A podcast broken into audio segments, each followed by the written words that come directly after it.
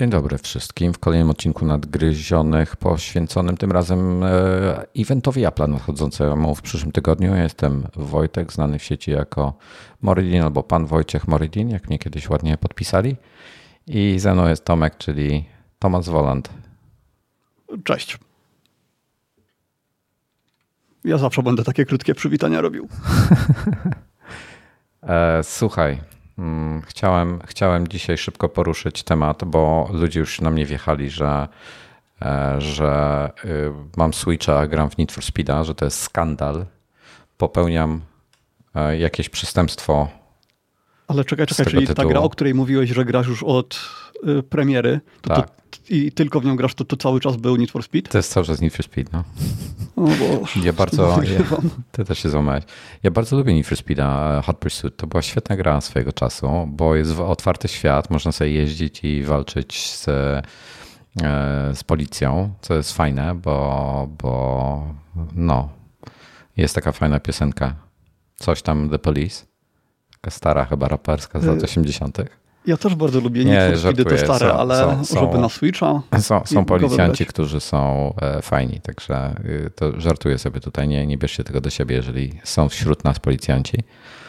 E, natomiast grałem w Need for Speed Hot Pursuit. Tam też można grać jako policjant, to podpowiem, jak ktoś chce e, zamienić rolę. I A czy to jest ten pierwszy Hot Pursuit, ten taki, który wyszedł co, po Need for Speed 2, czy to jest ten późniejszy? tak. To jest remastered. Ja nie jestem pewien do końca, okay. który z Hot Pursuitów to jest, ale to jest remastered. Bardzo fajnie jest, wiesz co, bo wbijasz i tam masz, możesz pograć sobie półtorej minuty, wiesz, szybką jedną trasę przejechać. E, możesz sobie jeździć dowolnie w tym świecie, więc ja na razie zdobywam samochody, także tam mam typu jedno, trzyminutowe wyścigi, więc jest to takie fajne, żeby wieczorem jeszcze przed snem sobie odpalić i coś pograć. Zrobiłem w Animal Crossing um, ten start taki cały, że już mam swój namiot, mam już, e, mam już radio chyba, łóżko, tym podobne rzeczy. Mieliśmy imprezę wieczorną z jabłkami i pewnie jakimś cydrem.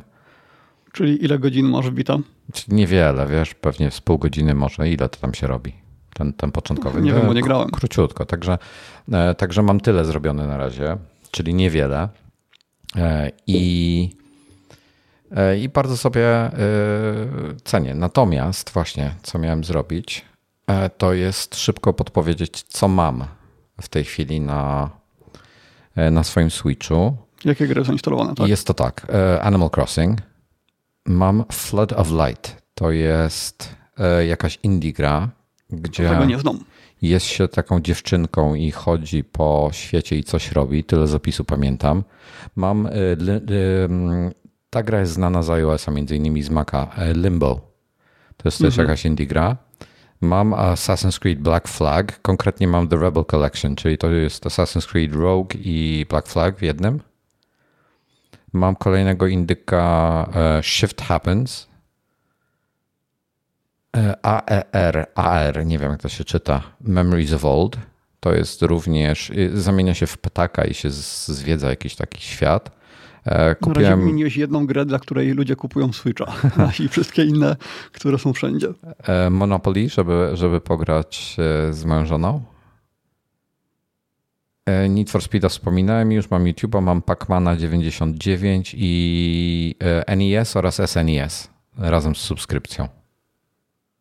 Okej, okay, czyli A, można do wszystkich tych gier Okej, okay, okej. Okay. Tak, i Diablo, więc to mam. E, w tej chwili jestem na etapie Animal Crossing. Wczoraj, wczoraj Czyli wieczorem tych, sobie go grałem. Tych gier prehistorycznych z Nintendo Online jeszcze nie ogrywałeś, nie próbowałeś nawet? E, próbowałem odpalić Mario, ale e, Mario mi się odpalił po japońsku i nie miałem zupełnie pojęcia, co w nim robię, więc okay. Wszystko wiem, było po japońsku. Standardowo powinien być język angielski. Mm. Dobra, mam w związku z follow-upem jeszcze, bo o tym Switchu trochę, e, trochę feedbacku było. E, wczoraj dostałem linka do. To czekaj, czekaj, Wojtek, Wojtek, czekaj, czekaj, no, no, no, stop. No, bo myśmy o Switchu gadali w tej części, która była po podcaście. Ona była tylko na wideo. Więc w ogóle Ludzie nie wiedzą. Ludzie, którzy słuchają podcastu, nie wiedzą w ogóle o co chodzi. Dobra. E, zapraszam ludzi, którzy słuchają podcastu na kanał e, YouTube'owy iMagazine. Mam tam kilka filmów. zrobionych, będą linki w opisie, kilka filmów, które już Switchowi zrobiłem, ale w dużym skrócie nabyłem Switcha i staram się naumieć to, co mam się umieć. Także na razie tyle, jeśli o to chodzi. Wczoraj mi na Twitterze ktoś podesłał linka do pana Nindyka, który jest specjalistą od indie gier. Będzie również link na dole. Polecił pan, pan Nindyk się do mnie dzisiaj odezwał, polecił dwa linki nindyki.pl oraz chyba geekretro.pl, jeśli mnie pamięć nie myli. Linka dosłownie dostałem przed chwilą. E, tak, geekretro.pl. E, również rzucę do opisu te, E, te dwa linki to będziecie mogli sobie wejść, poczytać i ja na pewno wejdę sobie poczytam, bo e, skoro specjalista od e, Indigiera, Indie, gry są fajne, to, to na pewno wejdę, zerknę co tam jest. I teraz Najważniejsze tak. pytanie. Kiedy Zelda? Zelda, wiesz co, jak dobrze pójdzie, to w sobotę wezmę, bo, bo według wszystkich opisów, jakie znalazłem w internecie, zresztą wrzucałem screenshota na, na Twittera, zestaw specjalny, ten, ten, który, ten Animal Crossing z konsolą, według informacji, a ja nie widziałem, ja kupowałem online, więc nie widziałem pudełka i jakby w opisie nic nie sugerowało, że w, w komplecie jest gra. Ale w internecie znalazłem, wpisałem, czy w zestawie e, z Nintendo Switch Animal Crossing, czy w zestawie jest gra Animal Crossing. Internet podpowiedział, nie, nie ma gry, musisz ją kupić sobie osobno. Więc zamawiając Switcha kupiłem Animal Crossing osobno. I mam w tej chwili Animal Crossing osobno i nie osobno, więc, bo jednak był w komplecie, więc muszę oddać go. E, także przejdę się do sklepu, go zwrócę, bo mam tam jeszcze chyba z 6 dni, żeby to zrobić. W sobotę planowałem to zrobić i wezmę sobie e, albo zwrócę i kupię, albo wymienię po prostu na Zelda. Jak tam im będzie wygodniej. Także tyle. E, jeśli o to chodzi. I mam do Ciebie pytanie, bo Ty nic o tym mi nie mówiłeś, a bardzo dużo, bo ja myślę cały czas o prokontrolerze, jak już będę, aha, już szybę zamówiłem sobie, dzisiaj powinna dojechać, to, mhm. E, bo ludzie mi wszyscy mówią, kup szybę, kup szybę, bo jak do doka się wkłada, to się rysuje. Okej, okay, kupię szybę, kupiłem o, szybę. Pro kontrolerze gadaliśmy trochę, to o, o to chcę zapytać.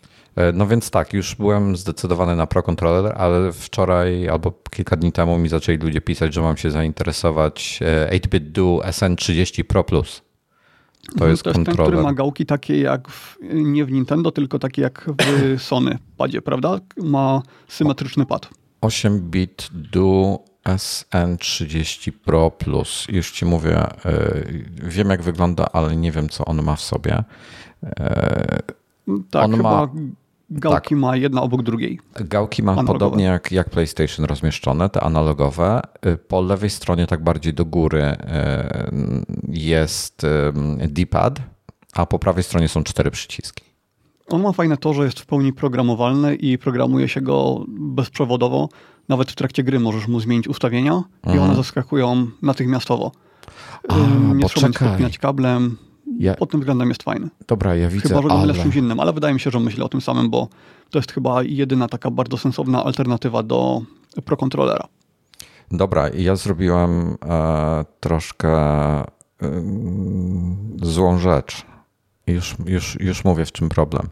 E, ludzie mi mówili, że mam tego SN30 Plus brać, a ja się cały czas patrzyłem na SN30 bez plusa, SN30 Pro bez plusa.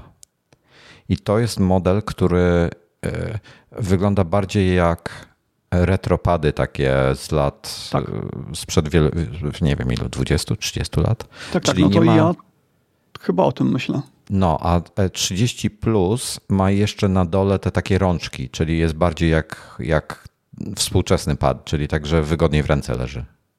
Aha, no no tak, ale design cały czas ma obudowa i to wszystko wygląda tak, trochę tak, ten tak, tak. staro, tak jak to dawne pecety.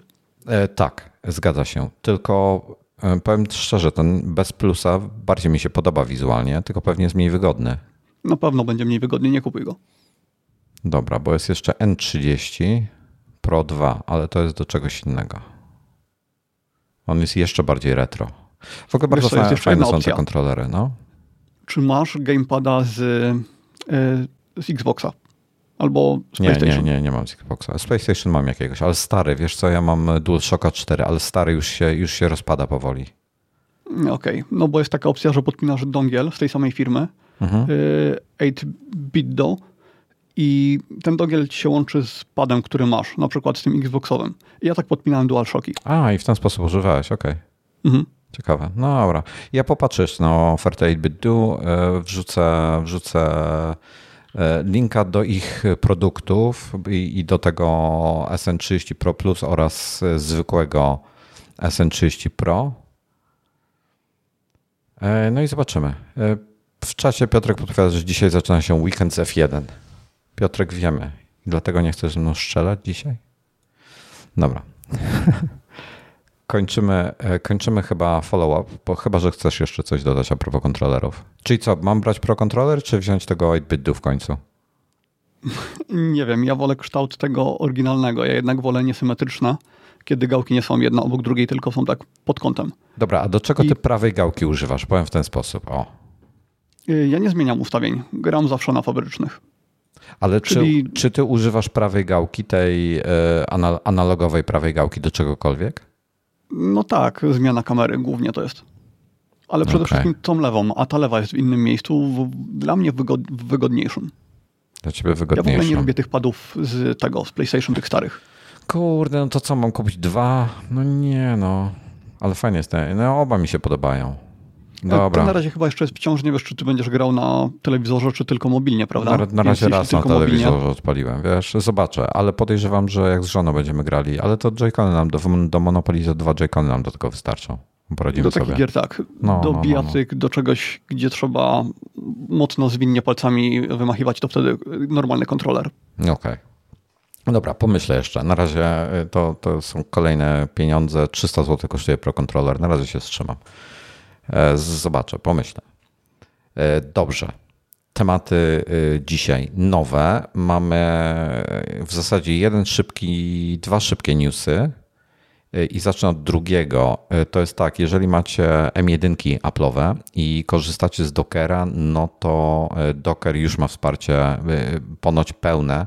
Nie używam Dockera, nie sprawdzałem dla ja M1. Także to powinno parę osób ucieszyć. I, I co? I coraz więcej jest tego softu. Powiem szczerze, że już w zasadzie chyba najgorzej jest z pluginami. O ile z softem jest ok, to, to problem jest największy z pluginami do, do software'u. Jak ktoś korzysta z jakichś bardziej specjalistycznych narzędzi, które już są przeportowane na M1, to może mu brakować e, pluginów, które nie są przeportowane. To jest, to jest największy minus obecnie. Mm, Okej. Okay. Znalazłem wczoraj, nie, dzisiaj rano znalazłem fajną stronę goodreports.com. E, ta strona jest fajna, bo jest, to jest coś w stylu Wirecutera, ale dużo prostsze i do, jest to e, strona, która zachęca, żeby e, przestać korzystać z narzędzi od tak zwanego big tech, czyli, czyli Google'a i tak dalej E, bo tu akurat o Google z, z Tomkiem rozmawialiśmy wcześniej, zanim zaczęliśmy podcast, i przejść na coś innego. I na przykład polecają najlepszy e, silnik do wyszukiwania i polecają DuckDuckGo i mają kilka tam jeszcze alternatyw. Ja korzystam z DuckDuckGo już chyba od przeszło 5 lat może. Polecam. Jak, jak to dodałeś do rozpiski, ja nie wiedziałem, o czym jest ta strona. I tak no. tak tylko szybko wszedłem, zobaczyłem, co tam jest i się zdziwiłem, że w polecanych aplikacjach nie ma właśnie tych takich, których prawie wszyscy używają. Na przykład w menadżerach paseł nie ma One Password. Nie ma One Password. To teraz wiem dlaczego, bo tutaj chodzi o to właśnie, żeby promować te alternatywne rozwiązania. Tak. E, I najciekawszy jest web browser. Po pierwsze, firma produkuje, e, produkuje, Boże, promuje DuckDuckGo Privacy Browser i rzeczywiście na, e, korzystam z tej przeglądarki na, jak mam gdzieś jakiegoś Androida pod ręką, czy do testów, czy coś, to instaluję, instaluję przeglądarkę DDG ona jest bardzo przyjemna i e, polecam też Firefoxa. Mm, polecane jest też Safari, to jest jeśli chodzi o przeglądarki. E, Chromium w wersji bez e, narzędzi Google'owa, ale to trzeba chyba w tej chwili, z tego co kojarzę, to trzeba w tej chwili kompilować source'a. Jest artykuł, tutaj link do artykułu z większą ilością informacji na ten temat. Polecają Vivaldi, polecają Brave'a i a coś, je, jeszcze kilka innych, ale tutaj bardzo fajnie e, gdzieś podpisali. A, E, dlaczego nie korzystać z Chroma? To do ciebie jest, Tomku. Tak. Cokolwiek, ja teraz będę tłumaczył na żywo, jest słabo bardzo tłumaczę z e, angielskiego na polski. Tylko więc... ja muszę dodać, że no. na Macu tylko Safari, a okay. że tutaj nie mam Safari teraz, no to dlatego korzystam z Chroma. To ja, ja polecę ci Firefoxa. A jak chcesz, jak chcesz Chromium koniecznie, to Brave'a sobie zainstaluj.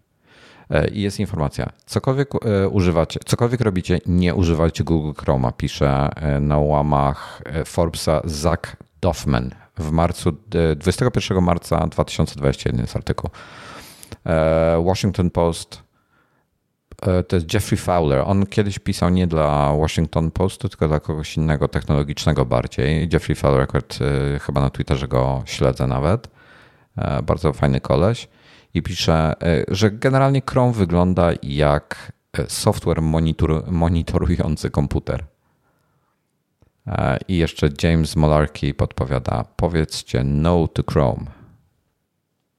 Także nie, jak Chroma i jak rozmawialiśmy w kwestiach, pamiętasz te, te screenshoty ci wrzucałem w kwestiach SSD-ków na E, w Macach? Jakie zużycie było dysku w porównaniu? E, tak, tak. Ogromna. No. E, Edge'a też nie polecę. Także. Okej, okay, zainter zainteresuję się tematem, ale no, kiedyś stwierdziłem, że usunę wszystkie swoje dane z Google'a, bo tam jest taka opcja, że usuwa ci. Tak, tak. No, maile oczywiście zostają w Gmailu, ale cała historia odglądanych filmów na YouTube i tak dalej, mhm, mhm. do dziś tego żałuję. Y, do dziś mi teraz wyświetla jako filmy polecane mnóstwo kontentu, który ja wiem, że już widziałem, ale nie mam go oznaczony jako zobaczony. A Czasami to, się zastanawiam, czy oglądać to, albo to po, włączam coś, coś i się orientuję w trakcie, że tego nie widziałem. To ci powiem coś lepszego. Jeżeli 6 miesięcy minie, to on i tak nie, on, on będzie ci polecał. Jeżeli coś widziałeś po 6 miesiącach... No, dwa lata minęło chyba i oznaczyłeś jako obejrzane, to, to jest chyba 6 miesięcy, może się coś zmieniło, ale jakiś, jakiś czas temu było 6 miesięcy. Czy oglądałem jakiś film, minęło 6 miesięcy, on już nie pamięta, że go oglądałem. No, po prostu oni to no zerują. Też mam wrażenie, że niektóre filmy, tak. które już po tym wyzerowaniu obejrzałem, że ich też mi nie pokazuje. Strasznie mnie to irytuje, no bo tak, jest to, włączam te filmy i oglądam je, i się orientuję w trakcie. Je, jest to bardzo irytujące, zgadzam się z tobą. E, także, e, także nie polecam Chroma. I polecam, jeżeli musicie mieć coś na, z Chromium, to albo możecie sobie skompilować on Google Chromium, to jest e, jedna opcja, e, a druga, taka wygodniejsza pewnie dla większości, to będzie Brave. E, a tak to polecam. Ja, ja korzystam z Firefoxa, jest chyba najlepszy. To jest druga po Safari przeglądarka, która stara się taka ogólna, no bo jeszcze tak, tak Privacy Browser, która być może jest lepsza od, jeśli chodzi o dbanie o prywatność od Mozilla ale Mozilla jest solidna, więc e, polecam. No i Safari na Macu oczywiście.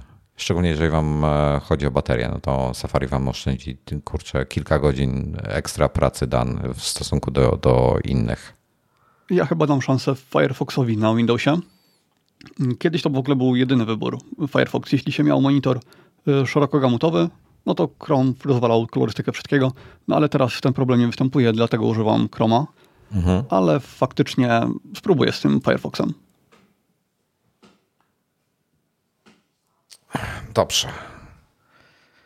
To zanim przejdziemy do, do głównego e, tematu programu, czyli co ty e, o Apple Evencie, który jest w przyszłym tygodniu, co już myślałem, że go nie będzie, to chciałbym się od ciebie dowiedzieć, co ty w tej chwili myślisz o Apple'u, bo no właśnie, jak ja to zobaczyłem w rozpisce, to się, bo... co ja mam powiedzieć? W sensie to jest tak rozległe pytanie, przesiadłeś się na, je przesiadłeś się na Windowsa. Dobra, to ja będę zadawał takie pomocnicze pytanie. Przesiadłeś się na Windowsa, zrezygnowałeś z Maca i z Hackintosha.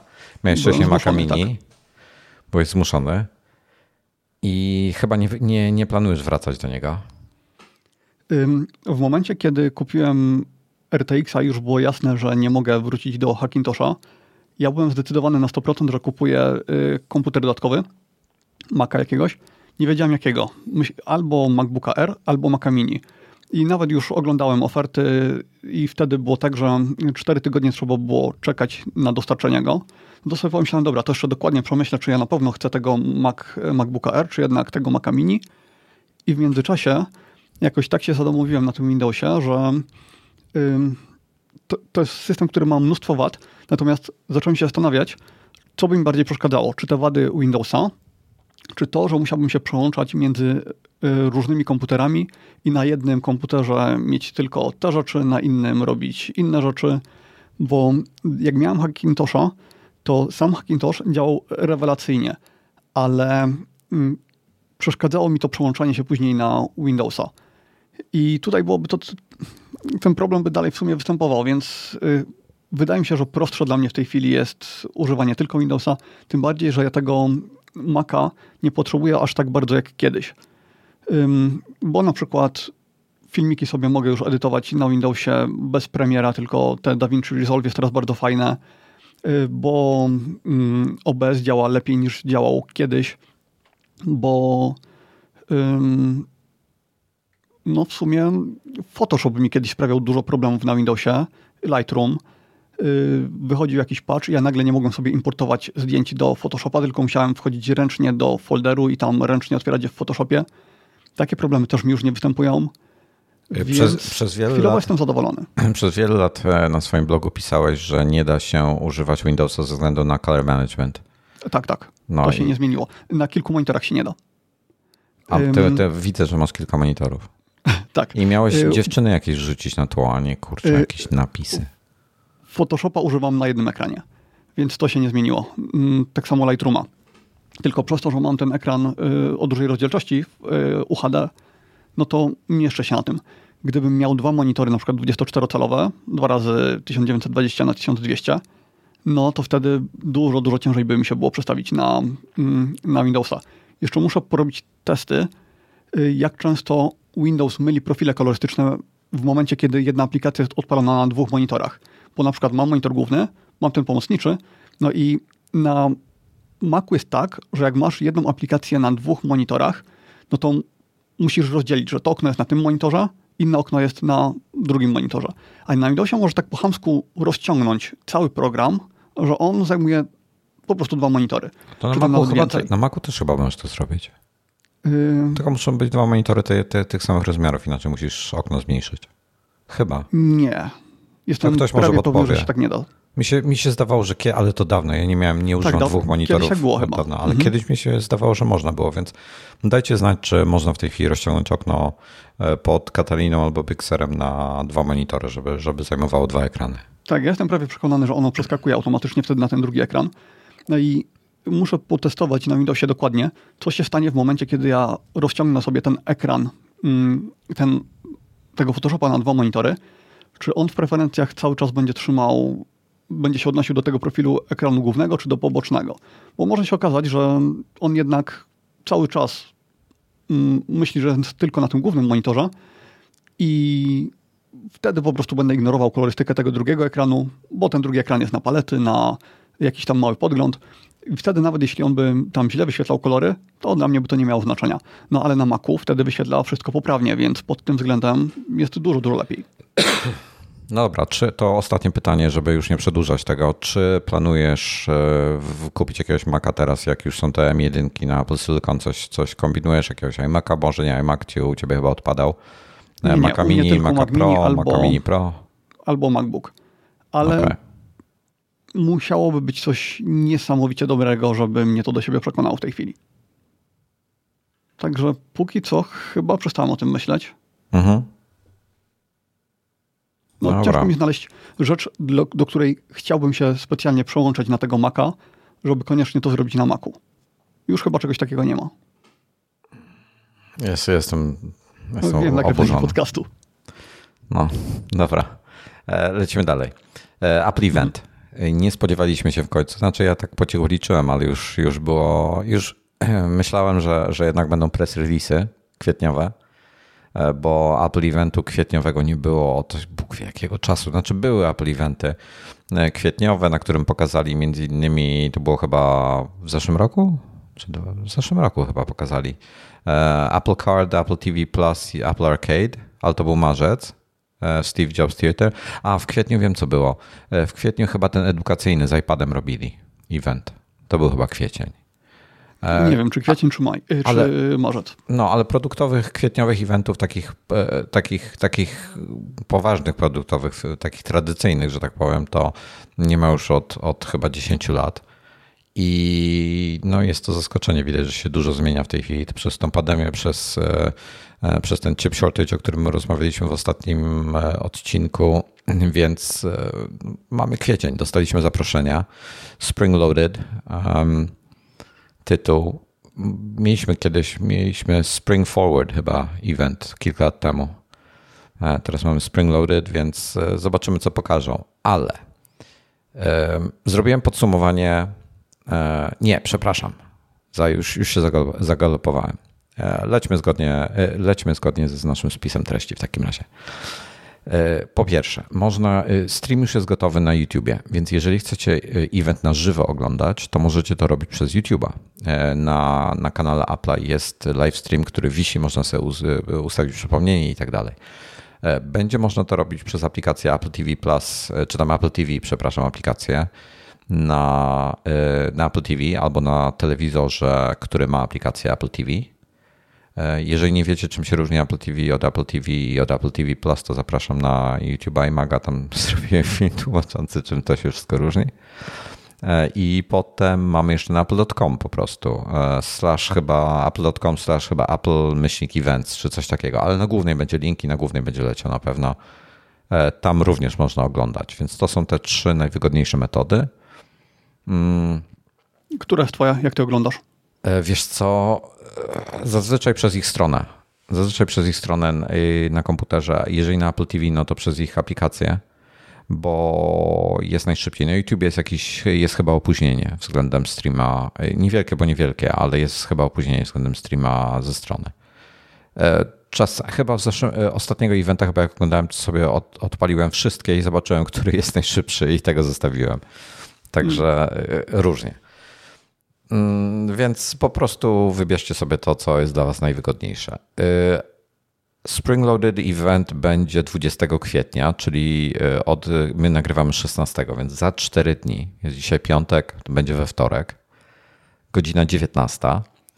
I dzisiaj pojawił się, dzisiaj albo wczoraj wieczorem, jakoś tak, no przez noc w każdym razie, pojawił się artykuł, że Mark Gurman, który ma dobre liki, dobre przecieki, jeśli chodzi o Apple'owe e, tematy, Mark Gurman nie jest pewny, czy będzie na nim iMac.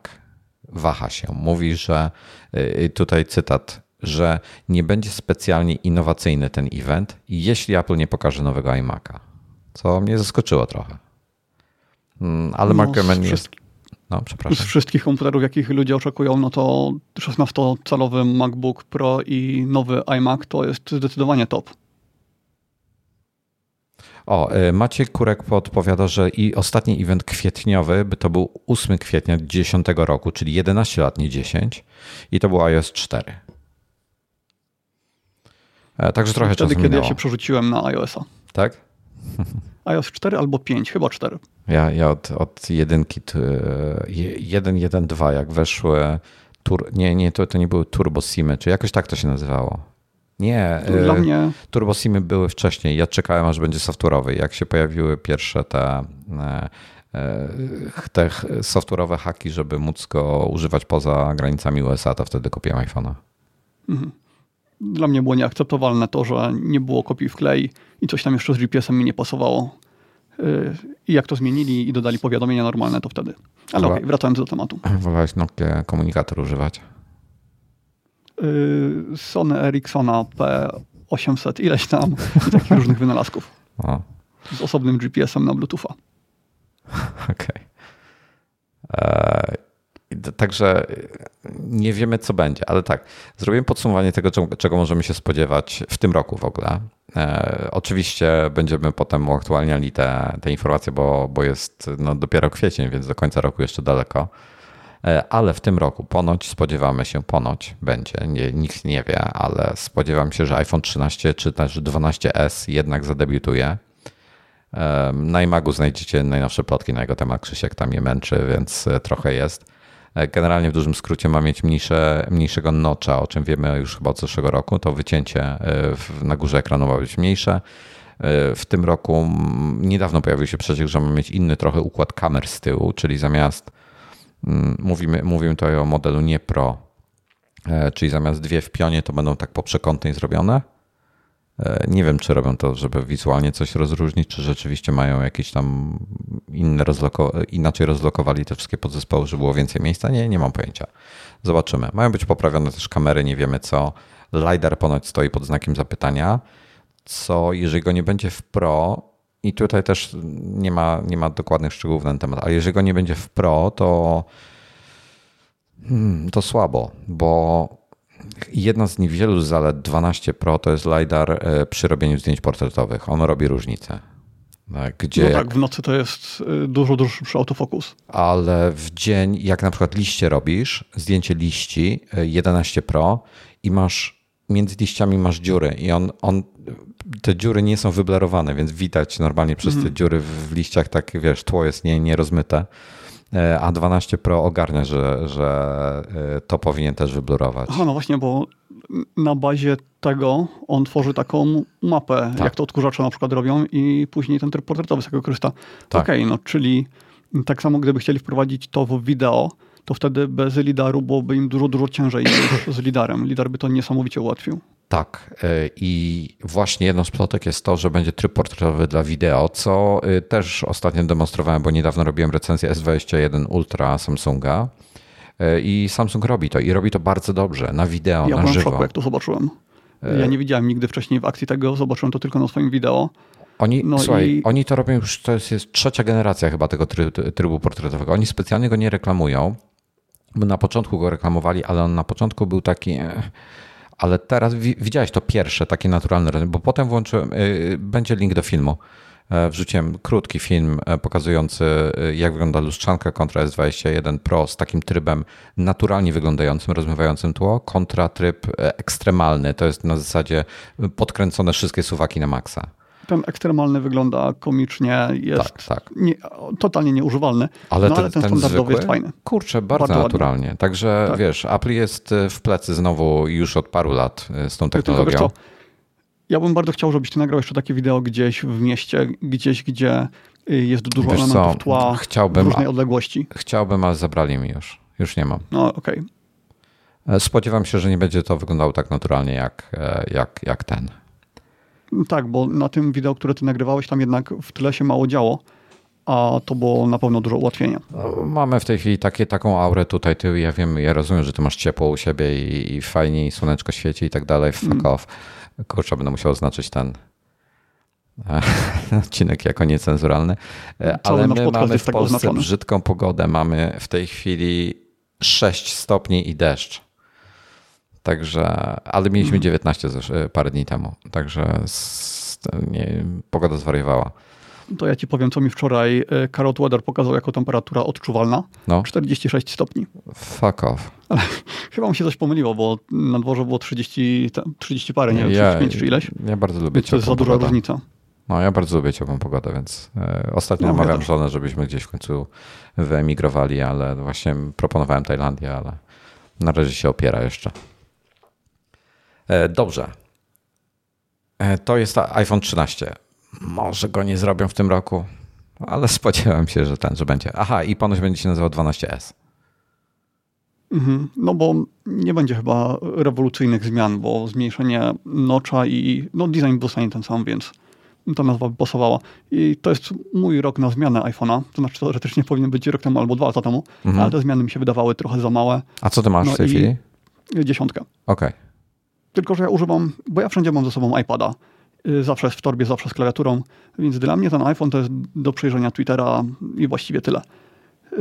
ale chciałbym mieć ten lidar. Mhm. I no, dziesiątka go nie ma. Chciałbym sobie skanować rzeczy i móc je przenosić do wirtualnego świata. I to jest bardzo tani sposób, żeby to zrobić, bardzo wygodny. No, Może tani jest, nie, jest, nie jest jakość y, idealna, ale można to później, jako taka baza, którą później można poprawić, byłoby to fajne, ale ja bym chciał małego iPhone'a, a to jest ten, który nie ma e, lidara i nie wiem, co zrobię, jak wyjdzie. No, być albo może jak będzie. się nie pojawi ten mały. Być może będzie. Znaczy tak, trzynastka ma mieć małego i ja autentycznie zastanawiam się, czy nie kupić sobie ten 13 czy 12S, nieważne. 13 e, mówimy dlatego, że jest to następny iPhone, jaki, jaki będzie po 12 E, prawdopodobnie będzie się nazywał 12S. Jak mówimy 12S lub 13, mamy na myśli e, po prostu tegorocznego, tegoroczny model, model 2021.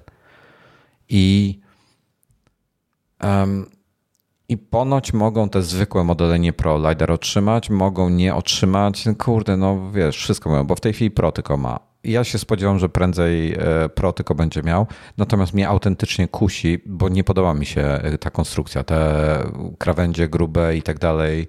E, jest to moim zdaniem gorsza konstrukcja niż ta obecna, czyli 10, 10S i 11 Pro. Dla mnie pod względem designu jest lepszy, pod względem użyteczności jest gorszy, ten obecny. Ten obecny ten jest... taki. Ten a, kanciasty, okej, okay, okej, okay, okej. Okay. Mhm. Ci, czyli ci się bardziej podoba? Z wyglądu tak. Dla A mnie idealny ideały to był iPhone 4. Tak, tak. W sumie wszyscy znajomi mają. Wszyscy zmieniali po, o mi się, o mi się strasznie nie podoba. E, te, te, te ramki na wysoki połysk w wersji srebrnej, bo ja chciałem białego z, z tą srebrną ramką, to mi się tak nie podoba. To wygląda tak odpustowo dla mnie. E, także myślałem o tym, że szarego wezmę. Ale autentycznie kusi mnie, żeby miniaka kupić i ponoć to będzie ostatni mini, że już e, plotka jest w tej chwili taka, że e, na 22 rok iPhone już nie będzie wariantu mini. Więc jeżeli chcecie, żeby Apple robił wariant mini w przyszłości, to kupujcie wszyscy w tym roku miniaka. Mm, to jest dziwne, bo on się podobno nie sprzedaje, prawda? On ma bardzo słabe wyniki. E, wrzucił David Smith, underscore David Smith. On deweloper na, na iOS, parę fajnych aplikacji robi. E, on ma, e, wyciągnął statystyki z iPhone'a, e, ze swoich aplikacji. Oczywiście on nie ma takiego szerokiego przekroju jak, jak inne bardziej znane aplikacje. On ma dosyć specy, specjalistyczne, och, już nie mogę się wysłowić, specjalistyczne te narzędzia. I um, chyba 6% jego użytkowników ma mini z tych nowych iPhone'ów, gdzie tam 50 czy 60% ma e, te, ten normalny rozmiar 6,1 cala, a potem reszta to jest max. To faktycznie fatalnie. Mnie to zdziwiło bardzo, bo e, jak tutaj znajomi poszli do salonu się pytać, e, kiedy będą te nowe iPhone, w sensie to było te pół roku tam ponad, mhm. no to im powiedzieli, że jak chcą kupić te mini, to muszą przejść przed czasem i czekać w kolejce, żeby byli jako, jako jedni z pierwszych, no. bo przewidują gigantyczną sprzedaż tego mini. No ale y, jak widać, chyba się pomylili. Niektórzy argumentują, że w tej chwili dla Miniaka to był bardzo zły rok, bo, e, bo niedawno się pojawił ten SE 2. Mhm. I po prostu ci, co chcieli małego iPhone'a, już kupili SE2, więc nie, nie, nie, nie wzięli tego, tego miniaka. I być może coś w tym jest, nie wiem. No tak, bo na tego SE tak długo się czekało, że ludzie naprawdę długo przeciągali wymianę swojego poprzedniego SE, więc jak już się pojawił, to mnóstwo osób e, kupiło. Ja, tylko ja mam wrażenie, że klientela tych dwóch telefonów niekoniecznie jest zbliżona, bo ogólnie Miniak ma zewnętrzne gabaryty bardzo podobne do SE. Nie wiem, czy nie jest ciutniejszy przypadkiem, przy, mając większy ekran jednocześnie. E, ale nie wiem, czy klientela przypadkiem mm, tego SE2 to w dużej mierze też nie są ludzie, którzy chcą mieć Touch ID. Po prostu świadomie chcą mieć Touch ID, nie chcą mieć Face ID. E, no szkoda, że Apple jeszcze nie robi obu. W S21 znowu miałem okazję pobawić się tym ich podekranowym czytnikiem. Działa rewelacyjnie, naprawdę świetnie. E, w recenzji pokazałem, jak, jak e, szybki jest. Super. Tylko, że czy te podekranowe one dalej zapewniają bezpieczeństwo na poziomie czterocyfrowego PIN-u, a nie sześciocyfrowego? Czy wiesz Bo co? jeśli tak, to pod tym względem mm, Apple by raczej się nie cofnęło w bezpieczeństwie. Nie wiem. Nie, nie, wiem, aż tak tego tematu nie, nie badałem. Apple nie robi tych czytników, więc e, jakby nie interesowałem się tematem. Natomiast e, no, nie udało mi się go odblokować innym palcem niż te, które zaprogramowałem, więc ciężko powiedzieć. Tylko za żaden okay. test, tak? Mhm. E, dobrze, e, to był iPhone, więc ja, ja się waham. Nie wiem, czy, e, czy, czy wezmę miniaka, czy nie, czy Pro. Prawdopodobnie jak, jak zrobią prezentację, zaprezentują, zobaczę co jest i sobie i wtedy się będę zastanawiał. Natomiast jeżeli mini nie będzie miał teleobiektywu, to będzie mi go bardzo brakowało. I właśnie to mi się przypomniało. Ja używam prawie tylko teleobiektywu. Nie używam tego normalnego, bardzo mało. Więc jeśli on go nie będzie miał, to, to raczej byłaby dyskwalifikacja. Ale no. liczę, że ten nowy będzie, miał, będzie go mieć. Um, Ja, by, ja bym chciał, żeby miał. Niech on ma dwa obiektywy, ale ma w tej chwili ultra szeroki kąt, czyli nie pro. iPhone ma ultra szeroki i zwykły y, szeroki. A ja chciałbym, żeby miał tak jak y, dziesiątka i 10S, czyli żeby miał szeroki i y, tele, a niech ultra szerokiego nie ma. Też bym tak chciał. Myślę, że to się nie wydarzy. Jeśli ktoś nie robi zdjęć jakoś tak bardziej świadomie, to nie zwraca uwagi, jak się zmienia perspektywa w momencie, kiedy się przychodzi bliżej i ludzie po prostu chcą mieć więcej w kadrze. Więc dla większości myślę, że ten szeroki kąt jednak jest lepszy. Może tak być. Ja, ja, ja prawie w ogóle z niego nie korzystam. Naprawdę. Praktycznie, praktycznie zero. W zasadzie jedyne zdjęcia, co sobie kojarzę z niego, co mi się podobały, to są jakieś takie podróżnicze czy coś, gdzieś e, ogarnąć pokój, wiesz jak wygląda pokój hotelowy, jakiś tego widok z balkonu, jakieś tego typu rzeczy, ale bardzo rzadko. Um, dobra, to jest iPhone. Coś chcesz dodać jeszcze? Mm. Nie, nie, aha, tak dla jasności, jeżeli ktoś się e, w tej chwili już, już e, podekscytował, nie będzie go w kwietniu, w przyszłym tygodniu. To jest na, na no koniec tak. roku, na jesień. E, razem z iPhone'em raczej spodziewamy się też e, Apple Watchów nowych, e, Series 7. Ponoć, no właśnie, i tu jest to, co mnie ciekawi. Mieliśmy Series 0, czyli ten, ten pierwszy, on nie był jako Series nazwany wtedy. Series 1, 2 i 3. One miały wszystkie podobny design. Ewolucję delikatną tego designu, trochę grubsze, trochę cieńsze. I to zmieniła. Czyli to były teoretycznie trzy generacje, w praktyce cztery, bo tego pierwszego dosyć szybko zmienili na Series 1, więc w praktyce ma, powiedzmy, że mamy cztery generacje. E, ale ja na to patrzę jako trzy, bo ten Series 0 to był taki, taki intro model. I potem mieliśmy Series 4, 5 i teraz my mieliśmy szóstkę w zeszłym roku. One też są, mają ten sam design, ten sam ekran, e, czy tam podobny, w sensie mi chodzi wizualnie, e, bo różnią się specyfikacją techniczną. I zastanawia mnie, czy w tym roku będzie redesign, czy Series 7 już będzie miał całkowicie nowy design, czy będzie jeszcze czwarta ewolucja tego obecnego designu. Jak, jak, jak myślisz, masz jakieś przemyślenia? Mnie by to bardzo zaskoczyło, bo żeby, by, żeby zrobić redesign z prawdziwego zdarzenia, no to co, musieliby zrobić okrągły, którego mnóstwo osób oczekuje, to raczej wątpię, żeby się to kiedyś wydarzyło. A ja myślę, że oni po prostu będą dążyć do tego, żeby ekran jak najbardziej wypełniał y, obudowę, żeby te ikonki, to wszystko można było rozstawić jeszcze bliżej krawędzi, no bo teraz jednak te ramki, one są niewidoczne, ale jakieś, jakieś tam są. Ja myślę, że to tylko w tym kierunku będzie dążyło i w kierunku odchudzania. Y, bo jak ty byś widział redesign taki, że faktycznie patrząc na kogoś będzie od razu widać, ok, to jest nowy Apple Watch. Nie, wiesz co, nie, nie wiem. E, w ogóle design ten obecny bardzo mi się podoba, w sensie w stosunku do poprzedniego. To, że ekran jest zaokrąglony, wypełnia te brzegi e, jak taki mini iPad Pro, jeśli chodzi o, o sam display, wygląda na, na, na nadgarstku. Nie wiem, no może... Ale powiem ci, ja bym nawet tego, od tego Series Zero, ja bym go nie poznał, jakbym tak po prostu rzucił okiem um, u kogoś na nadgarstku. Nie miałbym mhm. pojęcia, który jest starszy, który nowszy. To między Series 4, 5, 6 i SE też w zasadzie nie rozróżnisz na nadgarstku. 1, 2, 0, 1, 2, 3 rozpoznam je na nadgarstku między 4, 5, 6 i SE. Bo duża zmiana to by musiało być coś w rodzaju redesignu e, iPadów, gdzie nagle one się stały takie bardziej kanciaste i wydaje mi się, że, taki design nawet by trochę pasował do zegarka, ale czy on by był bardziej użyteczny? Nie wiem. Nie wiem. Jakby, zro, jakby zrobili takie, wiesz, są, są takie zegarki, które mają podobną taką, takie pionowe ścianki, takie dosyć grube. Są w ogóle są zegarki, które są mega grube. E, na zasadzie mają, wiesz, sama koperta ma taką, te, tego typu grubość. E, także są tego typu konstrukcje, ludzie noszą tego typu zegarki. Wie, nie, zegarki nie są, mecha, mówią mechanicznych oczywiście. Ale Apple dąży w odwrotnym kierunku, tak, no bo jednak odchudzają je. Tak.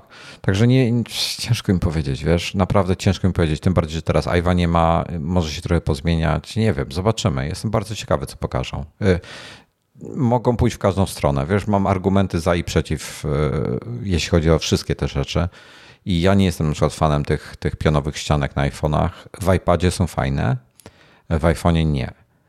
Także, mm, także tak, no nie, nie, nie mam mm. pojęcia.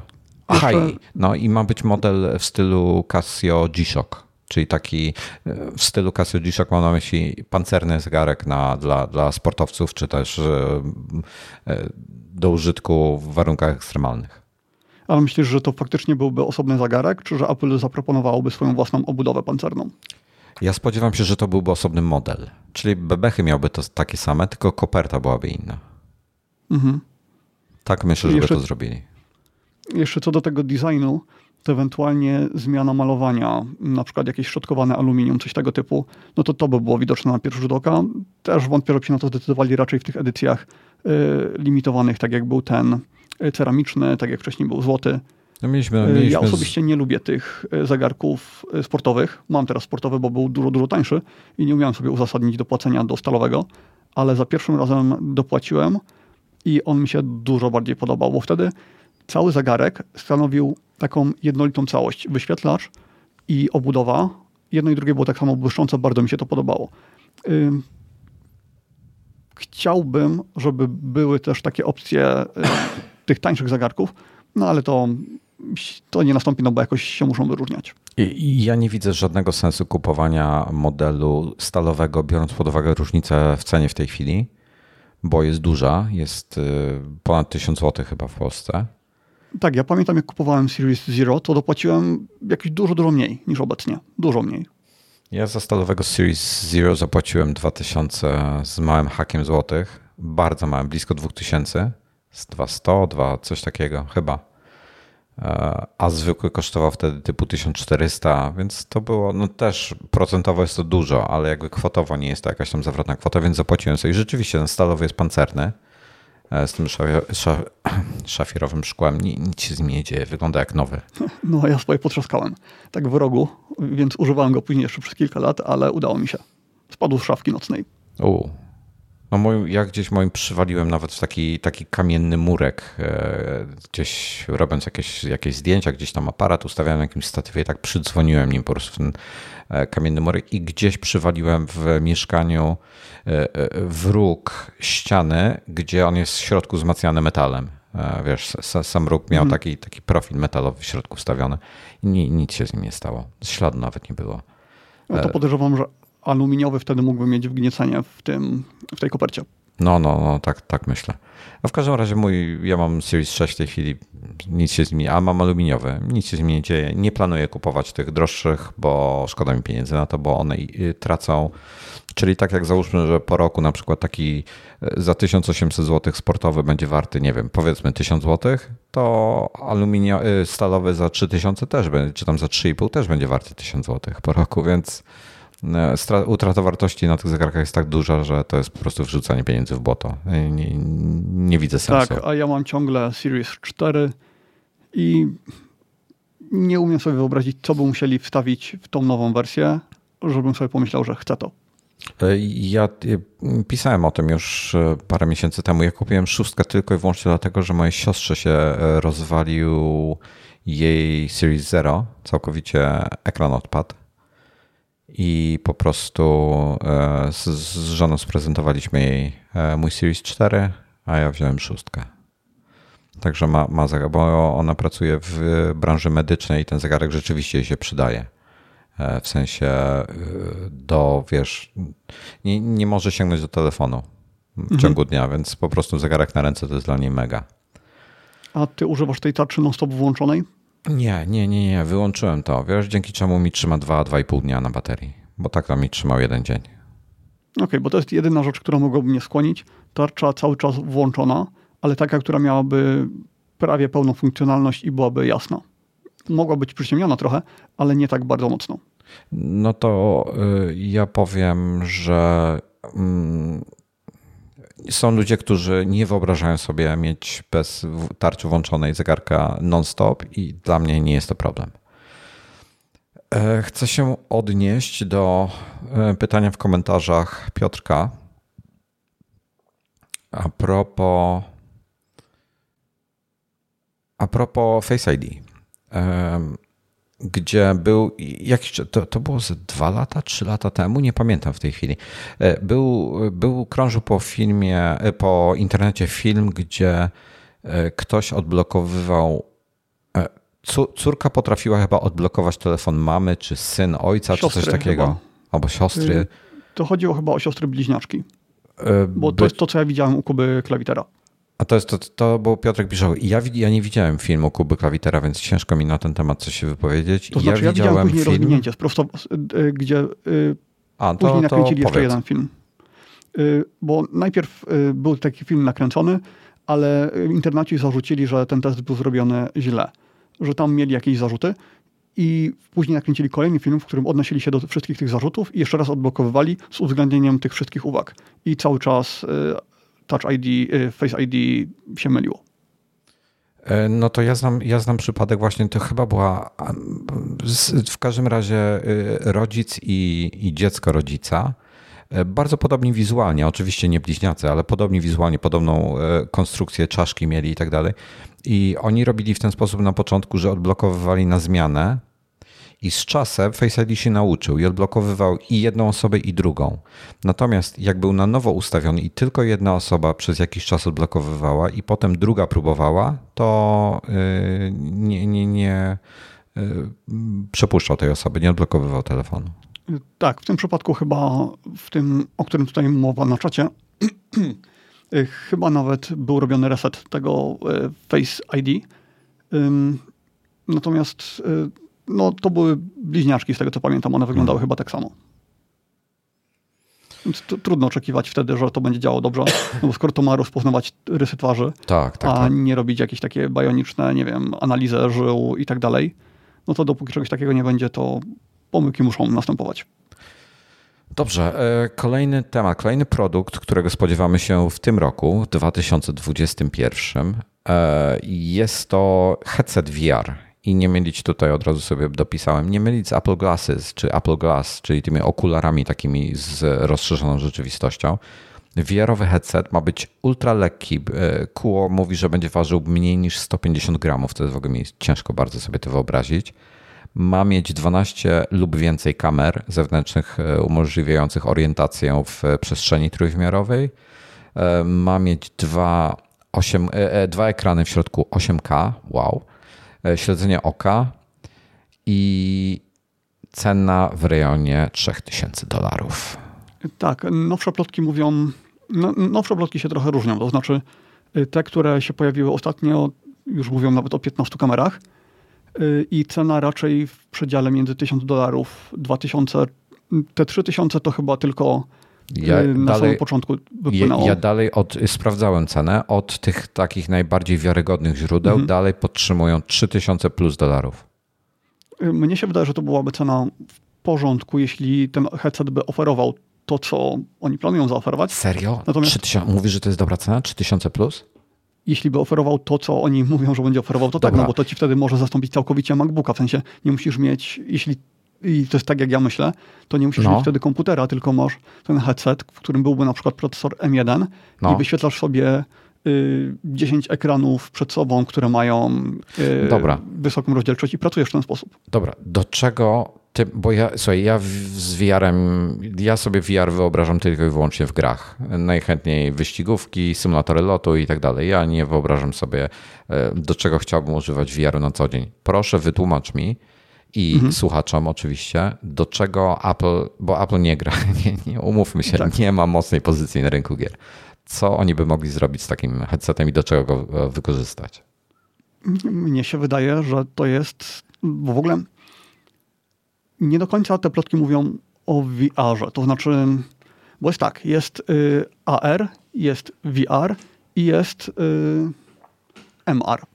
Y, czyli mamy wirtualną rzeczywistość, y, rozszerzoną rzeczywistość i jakby to, mixed reality, jakby to przetłumaczyć. Wymieszaną mm, rzeczywistość? No, coś takiego. Nie, też powiedziałbym mixed reality po prostu. No i możliwe, że ten headset Apple będzie częściowo taki mixed reality, czyli y, będzie można też widzieć przez niego y, świat zewnętrzny, w niektóry, nawet jeśli nie, nie tak całkowicie, to na przykład tak jak to robi w tej chwili Oculus Quest, czyli siedzisz przed biurkiem, masz tam klawiaturę, i ta klawiatura ci, widzisz ją w wirtualnym świecie. I twoje palce widzisz, jak one na tej klawiaturze y, piszą. Czy ty mówisz o, o czymś takim, jak ja miałem, e, miałem któregoś HTC y, i e, był taki tryb pracy, że było było tak jakby taki półprzezroczysty. Obraz, który ja widziałem, był półprzezroczysty, a reszta obrazu było wprowadzone przez kamer z zewnątrz. Więc widziałem pokój, w którym jestem i na tym pokoju były nałożone różne rzeczy. O czymś takim mówisz? Zależy, to znaczy jest opcja tworzenia takich jakby portali, takich, że jesteś w wirtualnym świecie, ale zaznaczasz sobie, w którym miejscu chcesz, żeby ci realny świat przenikał.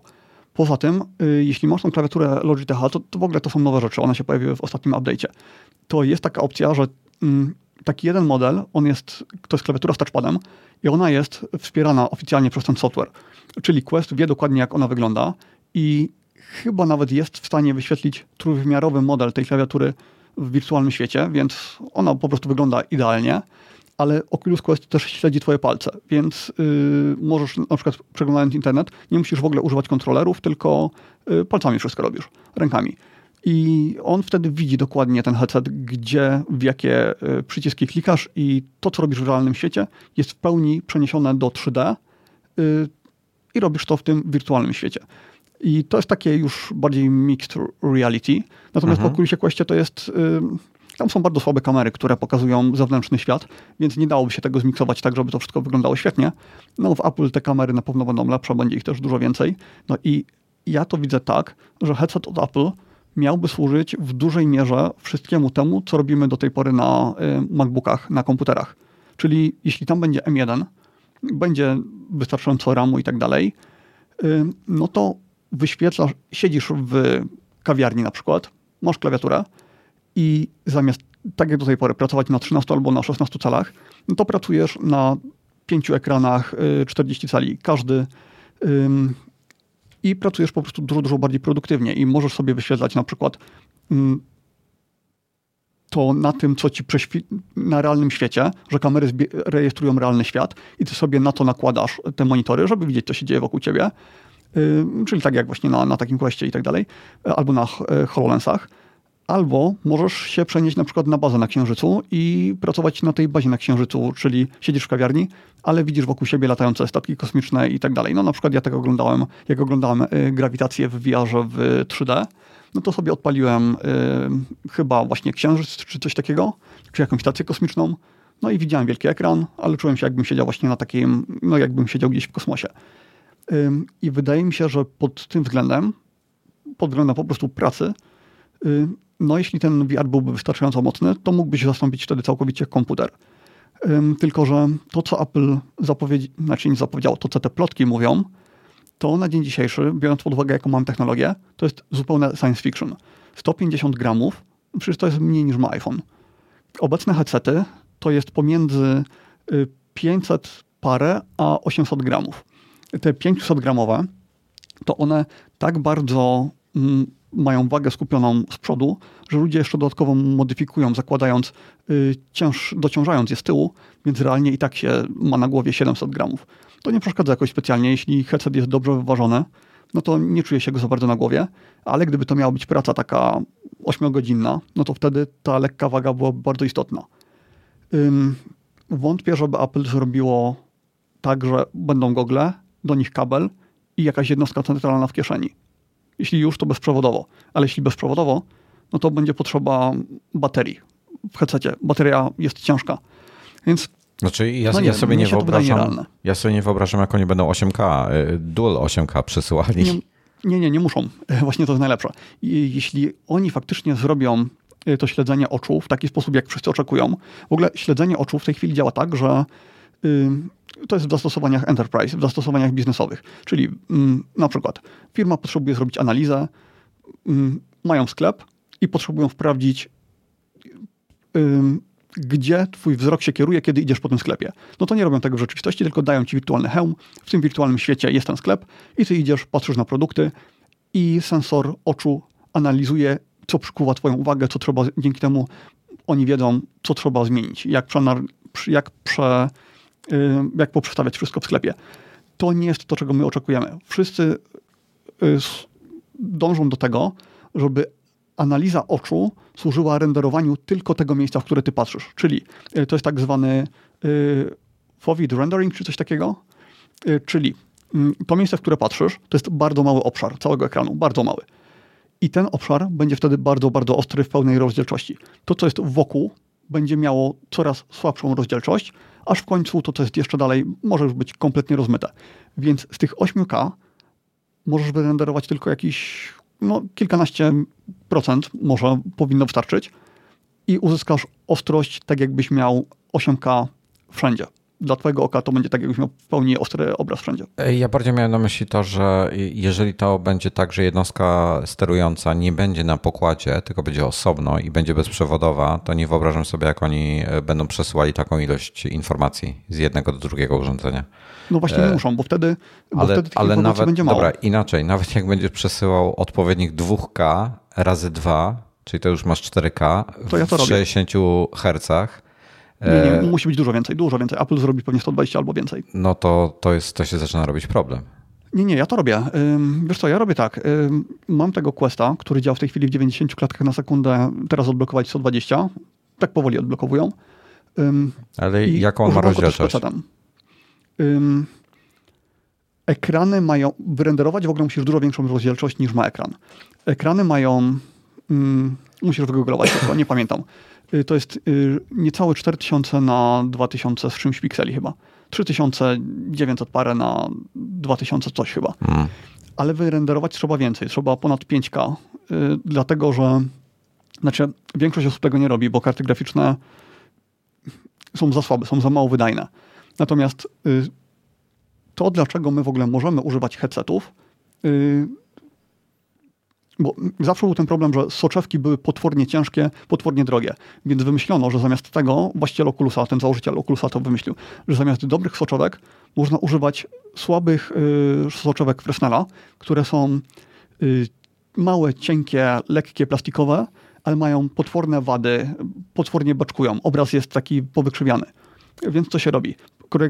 Koryguje się to y, programowo, czyli renderujesz obraz dużo większy, czyli chcąc wyświetlić te powiedzmy 4K, renderujesz dajmy na to 6K, yy, robisz tą korektę i po tej korekcie masz pixel w pixel, czyli wszystko jest skorygowane i masz natywną rozdzielczość. Yy, no więc tak sobie radzimy póki co.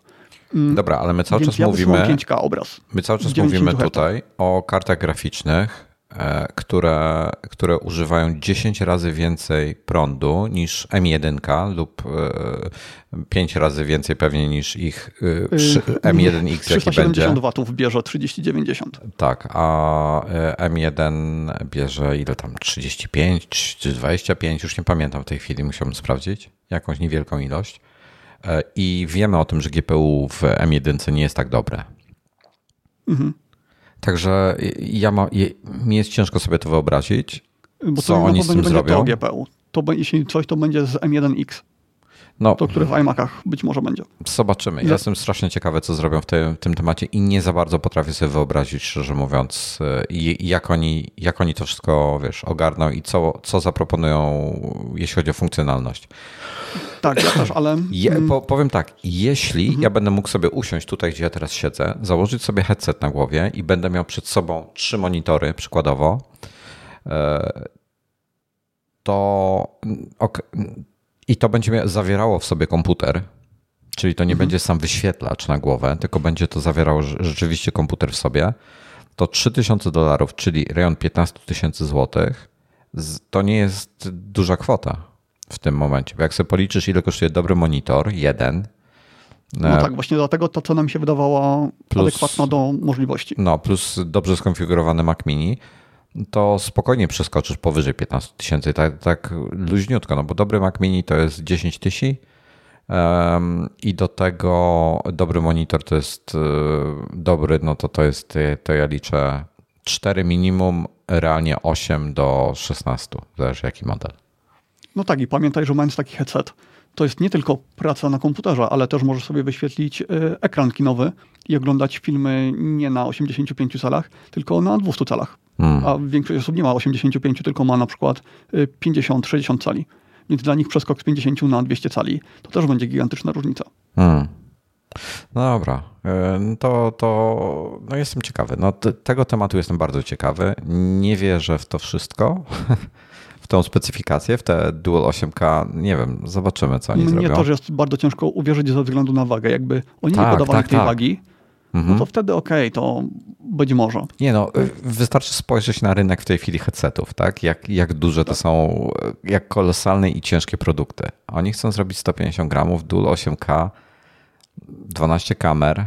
No jest mi to ciężko sobie wszystko wyobrazić. Więcej niż 12 kamer. E, no nic, zobaczymy. E, skończyliśmy temat na, na Apple VR headset i e, tutaj jeszcze jedna podpowiedź do, dla ciebie. Mr. Kramerko podpowiedział rzeczywistość mieszana albo różnorodna. No, pytanie, czy ktoś faktycznie tego używa. Mieszana chyba tak. Mieszana chyba tak. Mhm. E, dobrze. dobrze brzmi tak, mieszana brzmi dobrze. Brzmi dobrze, prawda? Okej, okay. E, HomePody. Apple e, zakończyło produkcję HomePoda. Jak wiemy, już o tym rozmawialiśmy wcześniej. Mamy w tej chwili HomePod Mini. Ja nagrałem o tym film, bo mnie to wkurzyło. I co dalej? No, są plotki o soundbarze z kamerą i one chyba, one chyba są w miarę świeżo. Mają, nie wiem, może tydzień wydaje mi się to sensownym ruchem, ruchem no bo Właśnie, ale w końcu mi, FaceTime ja, by... Mhm. Jak to sobie wyobrażasz? Czy ty sobie wyobrażasz takie urządzenie w stylu Nest Huba, co Google ma taki z ekranem? Czy ty wyobrażasz sobie to jako jakiś nie, nie. głośnik y, z, z, większym wyświetlaczem po prostu, na którym informacje wyświetlane, a niekoniecznie na przykład jako ramka do zdjęć czy coś? Y, czy będzie ekran jednak pionowy do FaceTime'a? Czy to będzie właśnie, jak wspominałeś wcześniej, soundbar? Mm, jak, jak, ty, jak ty to widzisz? A może kilka urządzeń?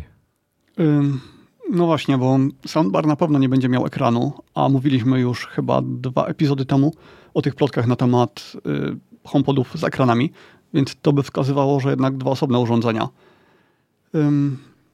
Nie wiem, żadne z nich na pewno nie zastąpi tego dużego HomePoda, to są zupełnie inne konstrukcje, ale taki soundbar byłby ciekawym urządzeniem, no bo plotki są, że tam będzie w środku, no gdyby tam była kamera w tym soundbarze, no to FaceTime by wkroczył w końcu do telewizorów, bo jak to inaczej rozwiązać? Y, soundbar to jest jedyne takie urządzenie, które zawsze wszyscy stawiają centralnie pod, y, pod telewizorem. Chyba, chyba, że ktoś jest mną i jak spojrzysz y, tutaj za mną, tu stoi soundbar. Mm, ja znowu mam okno na dwa ekrany, więc nie widzę, widzę tylko twoją twarz. E, ale okej, okay, czyli... A, dobra, teraz widzę. Ale rozumiem, że to nie jest soundbar taki... Nie masz tam gdzieś po prawej stronie jeszcze telewizora i to, to jest, jest jako muzyka tylko. To jest e, Sonos Beam, który mi do muzyki służy. Okej. Okay. Mm, no, no to te 99% osób, które ma soundbar pod telewizorem, miałby wtedy w końcu FaceTime na TV, bo inaczej się tego rozwiązać chyba nie da. Y, a FaceTime na telewizorze myślę, że to jest fajna sprawa, szczególnie w czasach pandemii. Mm, jakieś spotkania z rodziną na dużym ekranie na pewno są lepsze niż na takim małym y, iPadzie czy no, nawet na monitorze. Y, poza tym te kamery w telewizorach, to znaczy ja w sumie nie wiem jak one działają, ja tylko z jednym telewizorem się łączyłem i w nim to działało tak, że mm, ja, ja, ja rozmawiałem z komputera, ktoś tam rozmawiał z telewizora i jak ten ktoś mówił, no to kamera się zoomowała na niego tak trochę. Dalej był szeroki kadr, ale był taki lekki zoom na niego. Jak ktoś inny zaczynał mówić, to gdzieś ta kamera tam sobie tak do, jakby podążała za tą osobą, y, która mówiła. Y, myślę, że Apple mogłoby to rozwiązać jeszcze mm, dużo sprawniej. Y, poza tym jest problem z soundbarami taki, że one są jednak nisko. Telewizory są coraz większe, więc te soundbary lądują jeszcze coraz niżej, ale Apple ma tą technologię, która koryguje nasze oczy, że one. Mm, że wyglądasz tak, jakbyś się patrzył obiektyw, no. Tak, tak. I nawet jeśli mm, to będzie taki żabi kąt, w sensie taki żabi rzut kamery mocno od dołu, to nawet to pewnie Apple mogłoby skorygować, bo mm, no, to znaczy Apple na razie nie pokazywało żadnej takiej technologii, natomiast y, Nvidia czymś takim dysponuje, więc myślę, że Apple prędzej czy później też coś takiego będzie miało. Może już ma i wtedy może skorygować kąt taki, że mimo, że nagrywa od dołu, to będzie postać wyglądała tak, jakby była nagrywana na wprost. Więc wszystko będzie dobrze wyglądało tak, jakbyśmy nagrywali jakością telewizyjną. Ja, ja powiem tak, mnie urządzenie do FaceTime'u kompletnie nie interesuje. Nie mam potrzeby FaceTime'owania z kimkolwiek, szczególnie na telewizorze. Jak Ale ja FaceTime'uję. zastosowania też do tej kamery. HomeKit. No to zaraz, zaraz opowiesz. Ja, ja, ja FaceTime'a jakby nie potrzebuję zupełnie. Y, kamery przed telewizorem też nie potrzebuję. Y, potrzebuję, gdyby oni zrobili jakiegoś takiego mm, zintegrowanego, najlepiej to jakby to był soundbar, który integruje y, funkcję HomePoda z Apple TV. To byłoby dla mnie fajne. To takiego bym prawdopodobnie chciał. I bo wtedy jedno urządzenie wygodniej trochę. Oczywiście musiałby być przynajmniej klasy takiego Sonosa Arka, jeśli chodzi o, o jakość audio plus y, funkcjonalność, także... No w Sonosie tych Ark to już jest high-end, prawda? To jest ten, nie wiem, najwyższy model, czy jeden z najwyższych? To jest ten, no ale to Sonosowy high-end, ale nie jest to... Tak, tak, oczywiście. No, no, no, no high-end, taki high-end. Tak, tak, nie jest to hi-fi, nie jest to jakość tak, tak, tak. jak ze sprzętu hi-fi, jasno.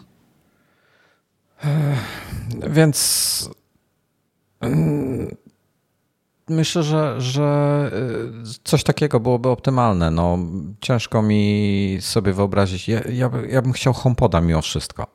Ja bym chciał nadal dużego HomePoda. No ale możliwe, że on będzie osobno. Oczywiście będą to różne urządzenia. No oczywiście z niższą ceną niż, niż ten obecny, bo on świetny był, ale te 350 chyba dolarów on kosztował, to byłaby 300. dobra cena. 300. 300 dolarów hmm. byłaby dobra cena za parę takich. Albo, dobra, 200 Nie za wiem, sztukę. Mi się wydawało, że ta cena była, że ta cena na, te, na tą jakość dźwięku, y, że ona była ok że nie... konkurencja nie wydaje mi się, że miała lepszą jakość w tej cenie. Ale wiesz co, sprzedawali potem już pod koniec sprzedawali za 200 i za 200 to już było, tak, tak. To już było fajne. Dwie sztuki za 400 to, jest, to, już, to już jest takie dla mnie do zaakceptowania. E, jak wspominałem wtedy, to chętnie bym więcej ich kupił, przez to, że przestali go wspierać, to, to tego nie zrobię. No, ja e, kupowałem Także... po 200, tylko jeszcze podatki doszły, więc finalnie drożej trochę. No mi się nie udało po 200 tutaj nigdzie kupić. E, przynajmniej, znaczy były, ale tańsze, ale nie były z źródła, które uważałem za wiarygodne, plus czas dostawy był jakiś absurdalny. E, więc, e, no dobra, ale to, to, to jest inny temat. Czyli co? Ja, ja, bym, ja bym chciał soundbara z Apple TV. Być może jakaś, jakieś dodatkowe funkcje typu router Wi-Fi, Mm, no a co byś powiedział, y, tak schodząc bardziej na ziemię, bo nie zintegrują wszystkiego jedno, y, co byś powiedział, jakby był soundbar, soundbar z tą kamerą i ona byłaby też w HomeKicie jako kamera taka bezpieczeństwa i dodatkowo mogłaby być jednocześnie czujnikiem obecności, no bo tak się robi. Więc rewelacyjna rzecz przy automatyzacjach. Do kamera jakby do, do, takiej, do takiego zastosowania, do FaceTime'a nie potrzebuję, jak wspominałem. Do, jako security, jako dodatkowa kamera spoko, nie mam problemu. E, problem w tym jest taki, że nie potrzebuję mieć kamery w security w salonie, tylko raczej e, skierowaną na wejście mieszkania, więc e, wolałbym mieć jakiegoś HomePoda w tym momencie z kamerą security taką, to, to byłoby ok. Ale nie potrzebuję, żeby on miał wyświetlacz albo jakiś ekran albo coś. Więc jedyne co w z tego typu urządzeń, co, gdzie bym chciał mieć ekran, żeby, żeby taki HomePod-podobne urządzenie miało ekran, to, to byłby na przykład głośnik montowany na ścianie, który by stanowił centrum sterowania jednocześnie, czyli ten ekran by robił na co dzień jako ramka do zdjęć lub jako stacja pogodowa, po prostu wyświetlająca pogodę, e, a przy okazji centrum sterowania HomeKitem. Ta, mhm. Tego typu jakieś zastosowania bym potrzebował, bo, bo można w tej chwili iPada albo iPhone'a, jak ktoś chce, zamontować na ścianie, ale e, to jest takie toporne bardzo rozwiązanie, bo tak, no, musisz... No, no rozmawialiśmy o tym, o tym, Tak, tak. Właśnie chciałem dodać, że to jest odcinek albo 303, albo 301. Właśnie nie jestem pewny, może ty pamiętasz. Nie, nie, nie pamiętam. Ja, ja, jak sobie popatrzysz na tego typu rozwiązania od takich producentów e, typowo, to, to nie, nic z HomeKitem nie ma wspólnego, ale e, jak sobie popatrzysz na Girę na przykład. Nie wiem, czy znasz markę Gira. Oni robią, robią między innymi smart home, robią gniazdka do ścian, tego, tego typu rzeczy. Oni mają dużo ładniejsze, takie ścienne, takie do, do montażu w ścianie, właśnie ekrany, e, gdzie tam masz e, do sterowania. Wiesz, to nie jest tak rozbudowane jak HomeKit, w sensie takie modularne, natomiast no i to jest bardzo droga impreza ogólnie, przynajmniej kiedyś była, nie wiem jak jest dzisiaj, już dawno nie, nie badałem tematu ale, ale wizualnie to jest ładniejsze niż montaż iPada na ścianie. Um, oczywiście plusy, minusy i inne zastosowanie i tak dalej, to już pomijam. To mi chodzi tylko o wizualny aspekt. E, więc takiego, jakiego, jakiegoś takiego HomePoda um, chętnie w ogóle bym widział też coś bateryjnego. Um, tak, także to, to, to było, ja bym wiesz, był bardzo za jakimś małym głośnikiem bateryjnym. No, ja mógłbym to w tym momencie yy, mogę w tym momencie go zdemontować, albo na przykład taki z, z, ekranem, żeby to było, że mógł to zdemontować sobie raz w tygodniu doładować i A, niech sobie to wisi. problem, bo Apple nie przejdzie z AirPlaya na Bluetootha a AirPlay jest dużo, dużo bardziej prądorządny niż Bluetooth, więc to, to się nie może wydarzyć chyba. No, to, to, to jest, wiesz, ale jesteśmy w sferze marzeń tutaj, więc jakby e, może kiedyś za dekadę, ale nie, nie, nie mam pojęcia, co zrobią. Może, może soundbar, rzeczywiście. Ciężko mi powiedzieć. Ale soundbar z, e, z Apple TV może być kamera jeszcze E, wykorzystywane do HomeKita, to jest ok dla mnie. To, to tak, ja bym bardzo kupił. chciał, żeby była taka kamera i z czujnikiem obecności, bo nie mam żadnego, a to jest jednak dużo lepsza rzecz niż, niż e, czujnik ruchu. Bardzo by mi się to przydało w automatyzacjach. Poza tym obecnie te automatyzacje są jeszcze mocno krojone, ale gdyby Apple to zaimplementowało do swojego rozwiązania, no to na pewno, znaczy na pewno, przy Apple ciężko mówić, żeby coś było na pewno, ale być może otworzyliby się wtedy na dodatkowe automatyzacje. No bardzo bym chciał a ja w ogóle chciałbym zmienić audio w salonie, yy, więc to jest taka rzecz, która w razie czego mogłaby mnie mocno zainteresować. Ja, ja, ma, ja się tylko boję, że to będzie kosztowało chore pieniądze. E, że wiesz, ARK nie jest tani, tak? Sonos nie jest tani. Jak chcesz sobie ARKa kupić, to jest tam rejon 4000 zł. Do tego wypada dokupić tylne głośniki. To jest kolejnych parę ładnych stówek zagłośnik, do tego jakieś ewentualnie stojaki i tak dalej, i tak dalej. No to, to wszystko to kosztuje. Atmos, prawda? E, Ark jest atmosowy, tak. Okej, okay, okej. Okay. Także to wszystko, to wszystko kosztuje, niestety. No i cały czas jakość będzie gorsza niż gdyby kupić głośniki takie, po prostu głośniki osobne, kablowe w sensie i sobie to wszystko konfigurować. Jeśli, jeśli byś sobie kupił taki, taki zestaw typu 5.1 albo 5.1.2 albo 7.1 albo 7.1.2 i tak dalej, to to będzie grało dużo lepiej niż Soundbar. Tylko wiesz co, finalnie dla mnie, ja rozważałem teraz, bo robiłem nowy setup, więc rozważałem takie rzeczy. Finalnie dla mnie po prostu wygrała, wygrała wygoda. Podpinam jeden kabel, nic mi się i, i nic więcej mnie nie interesuje. Nie, nie, nie chciałem. No, nie chciałem um, tego kto pisze dla iMaga o TV i tak dalej? Paweł Paweł Kopień. Dobrze. Y, no to ja z nim kiedyś na Twitterze prowadziłem dyskusję właśnie, y, bo ja myślałem, że dobry Atmos, taki mm, no po prostu dobry Atmos, no, no. to są dziesiątki tysięcy złotych. No i on mnie nakierował na takie różne rozwiązania y, o soundbar oparte i dodatkowe głośniki gdzieś tam z tyłu. Natomiast zaznaczał, że jeśli by pociągnąć kablowe głośniki, no to te bezprzewodowe nie mają żadnych szans. Nawet jeśli to będzie kilka e, głośników bezprzewodowych, no to że te rozwiązania e, kablowe masakrują to, co mamy bezprzewodowe obecnie. No ale to się, to się z czasem zmieni, a ja po prostu, no mówię, nie chciałem się bawić e, w kable i, i, i nie miało to sensu. W czacie w ogóle trwa dyskusja o telewizorach w tej chwili, o OLEDach, o tym, że się wypalają. Ja pis pisałem o tym. Ja się zdecydowałem na e, telewizor Sony. Ja miałem, ustaliłem sobie budżet, dosyć wysoki myślę, e, na telewizor i telewizor, który mnie najbardziej interesował, zresztą był to Samsung, e, przekraczał ten budżet o 25%. Ale czekaj, Samsung, czyli to nie był OLED? To, to nie był OLED. OLED tak? Nie, nie, nie. Na OLEDy w ogóle, bo ja chciałem duży telewizor. Na OLEDy ja w ogóle, wiesz, nie moja kategoria cenowa. To było 25 plus tysięcy złotych i tak były mniejsze niż chciałem. Mhm. E, w tym roku są duże OLEDy, ale kosztują takie pieniądze, że wiesz, dobre auto. Nie, nie tanie auto, dobre auto już za te pieniądze się kupi. Mhm. E, także to jest zupełnie nie moja półka. I w ogóle z takich telewizorów, które mi pasowały, to, e, to, to były Samsungi, tylko przekraczały mój budżet. E, Philips, e, jak tylko ja nie, mi nie zależało na Ambilightie, ale gdybym chciał Ambilighta, to pewnie bym wziął Philipsa. Ja bym bardzo a, chciał. A skończyłem na Sony. Sony to był jedyny telewizor i Sony był ponad 20% poniżej mojego budżetu.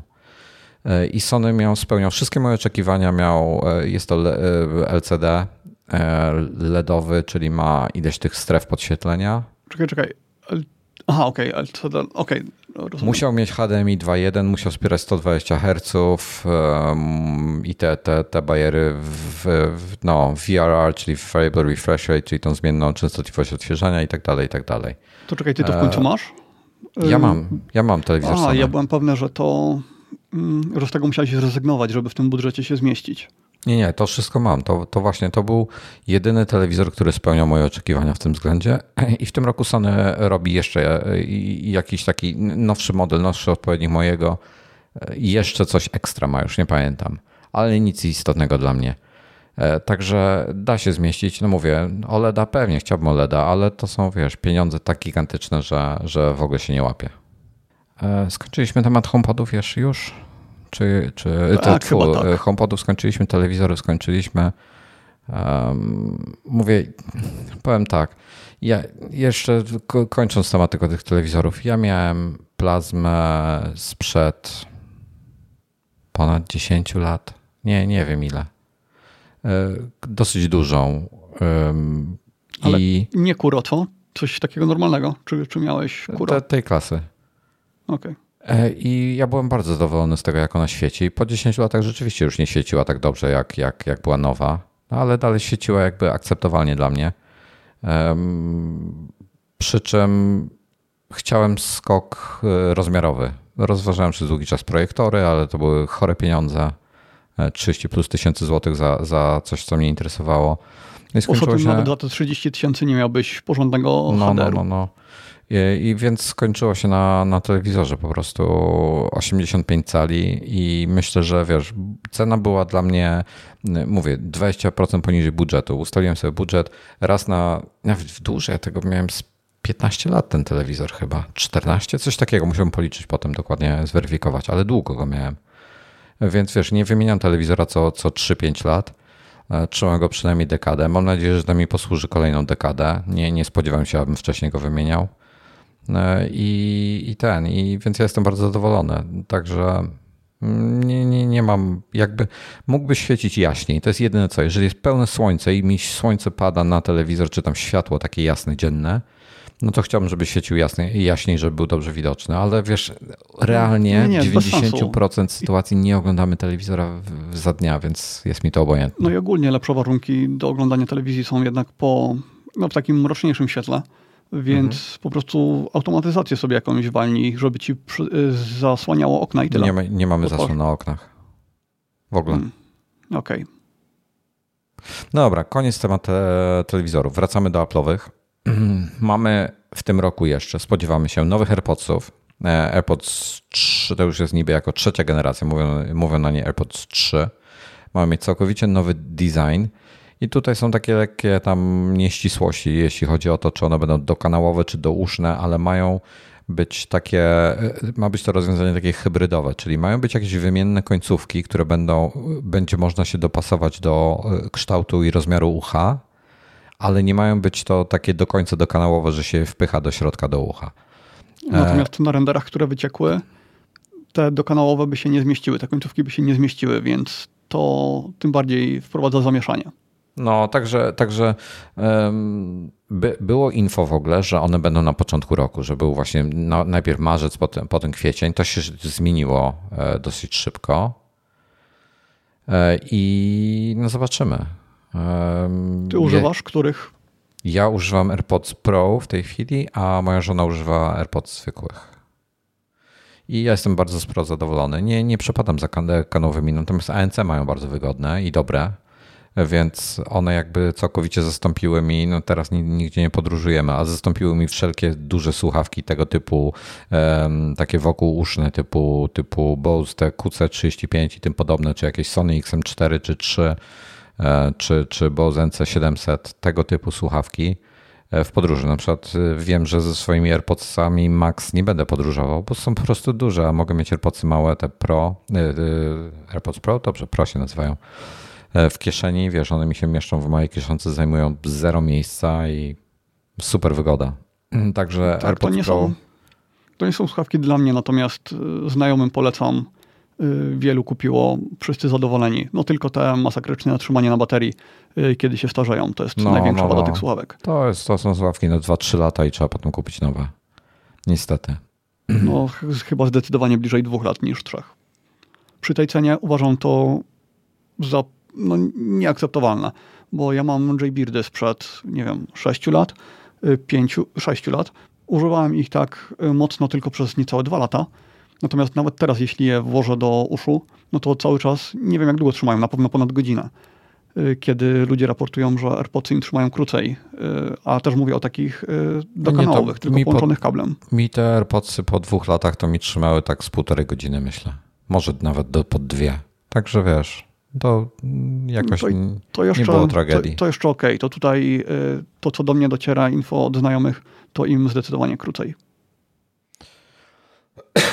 No w każdym razie y, AirPodsy ponoć są przeniesione na y, końcówkę roku y, albo połowę, może podczas WWDC, chociaż wątpię. Myślę, że, że no raczej no jesień. Jeśli na końcówkę, to co? AirPodsy Pro i zwykłe jednego dnia by pokazali? Mogliby. Może zrobią duży, duży event. Albo zrobią, wiesz, na jesieni prawdopodobnie dwa eventy będą, czyli tam no, sierpień i październik. Jakby je pokazali razem, to to byłoby dobre rozwiązanie, bo te produkty ze sobą nie konkurują. To znaczy, każdy chce albo dokanałowe, mhm. albo douszne. No chyba, że faktycznie te wymienne końcówki będą, to wtedy się sprawa skomplikuje. Albo, albo październik, listopad, zależy jak tam w tym roku wyjdzie. Ponoć iPhony mają. Ostatnie info jest, że chyba iPhony będą w październiku. Więc może Maki w listopadzie. Nie wiem, zobaczymy. E, Cena ma być, mówią, że 150 dolarów, czyli rejon 750 zł, chyba że złotówka w tym czasie szlak ją trafi. Nie, nie wiem, zobaczymy. E, ale to chyba tyle. No ja nie jestem, znaczy, wiesz co, one nie będą miały raczej ANC, ale gdyby miały ANC, to bym się nimi interesował. Plotki mówią, że nie będą mieć, ale są też plotki o nowym chipie, który ma być y, bardziej energooszczędny i dzięki temu teoretycznie też po prostu bardziej długowieczne miałyby być te AirPodsy no gdyby to było, to to jest moim zdaniem najlepsze ulepszenie, jakie mogliby wprowadzić. To jest to, e, czego by ludzie oczekiwali. AirPodsy są świetne, a AirPodsy to jest, e, to jest mistrzostwo świata, jeśli chodzi o słuchawki tego typu. Rewelacja, polecam każdemu. I jeżeli korzysta z Apple, jeżeli korzysta z Androida, to nie polecam. Albo Windowsa. Czyli ty. E, nie, nie, ja bym kupił Soniacze te dokanałowe. Jeśli już musiałbym coś kupić, to bym kupił te Sony. Y, nie pamiętam oznaczenia, WH coś tam, 1000 XN coś tam. Nie, WH to są te duże, te są WM chyba. No tak, tak, chyba tak. No, no, no. Nie, no Sony ma straszne nazewnictwo. Niestety. Dobra, teraz tak. Było o iMacach już rozmawialiśmy trochę. Było początkowo y, info, że iMaki będą druga połowa roku, czy może w WDC i tak dalej. W tej chwili są ploty, że może być iMac w przyszłym tygodniu. E, raczej mówi się o tym, że to będzie ten mniejszy iMac, czyli spodziewany jest 24 cale. E, większy ma mieć 32, czyli jeżeli to będą 24 cale, e, to rozdziel... Pytanie, co jak oni mieli, trzeba by policzyć. Mogę w sumie, w sumie policzyć szybko, bo czekaj, PPI kalkulator już. Jeszcze na czacie mamy uzupełnienie od Artura. Sony WM1000XM4. Hmm. No, to są właśnie te, o których myślałem. Dobra. E, iMac w tej chwili 21,5 cala, czyli ten mniejszy, ma rozdzielczość 4096 na 2304 e, i dzięki temu ma 218 ppi. E, z kolei iMac 27 cali ma 5122,880 przy 27 calach i to jest e, PPI ma 218. E, jeszcze zobaczę, czy tu jest. Jest Pro Display XDR. Pro Display XDR ma 6016 na 3384 przy 32 calach, co daje 215 ppi. Nikt już nie e... pamięta tych liczb, które wymieniłeś na początku. No, ale, ale Musisz istotne, tak podsumować. Jest, istotne jest tutaj PPI, że Pro Display XDR ma 215 PPI, um, iMac 27 cali ma 217, czyli 2 ppi więcej, żadna różnica i 21-calowy ma 218 ppi, czyli Apple oscyluje w rejonie 215-220 ppi na tych ekranach. I w tym momencie, jeśli mielibyśmy mieć e, ekran 24 cale, e, przy, zachowując tą rozdzielczość 4, e, małego iMac'a, czyli 21 cali iMac'a, co ma 496, 4, 4096 na 2304, to on by miał 195 ppi, co jest mało. Jeśli podniesiemy go z kolei do e, rozdzielczości dużego iMac'a, czyli 5K, to miałby 244 ppi, co jest dużo, więc będzie ta rozdzielczość, powinna być gdzieś e, pośrednia. E, nie będę teraz liczył, ile dokładnie to będzie, bo, bo szlak was trafi, ale tak, coś pośredniego. ekrany pośrednie, to musieliby robić matrycę specjalnie dla takiego iMac'a. Być to się może, nigdy nie zdarzyło chyba. Być może tak będzie. Do tej pory w iMacach były te same tak. panele co w Dellach nie. i... Nie, bo chyba nikt nie robił e, przed iMaciem małym, może się mylę, ale przed małym iMaciem chyba nikt nie robił panelu 4096 na 2304 I zwróć uwagę, że no, panel, no, który jest... I panel, który jest w iMacu, ten 5120 e, na 2880, to jest 5K, i jedyny monitor, który używał ten panel, to był Dell UP2715K i ten monitor od paru lat już nie jest produkowany. Więc iMac 27 cali jest jedynym e, monitorem, e, komputerem w tym wypadku, który używa e, te, taki panel i Apple Pro Display XDR jest też jedynym monitorem, który ma te 6K. 6016 mhm. na 3384. No, w przypadku XDR to jest bardziej realne, no bo to jest po prostu mnóstwo pieniędzy, więc y, tak, tak, tak. Nie musi, skala nie musi redukować ceny.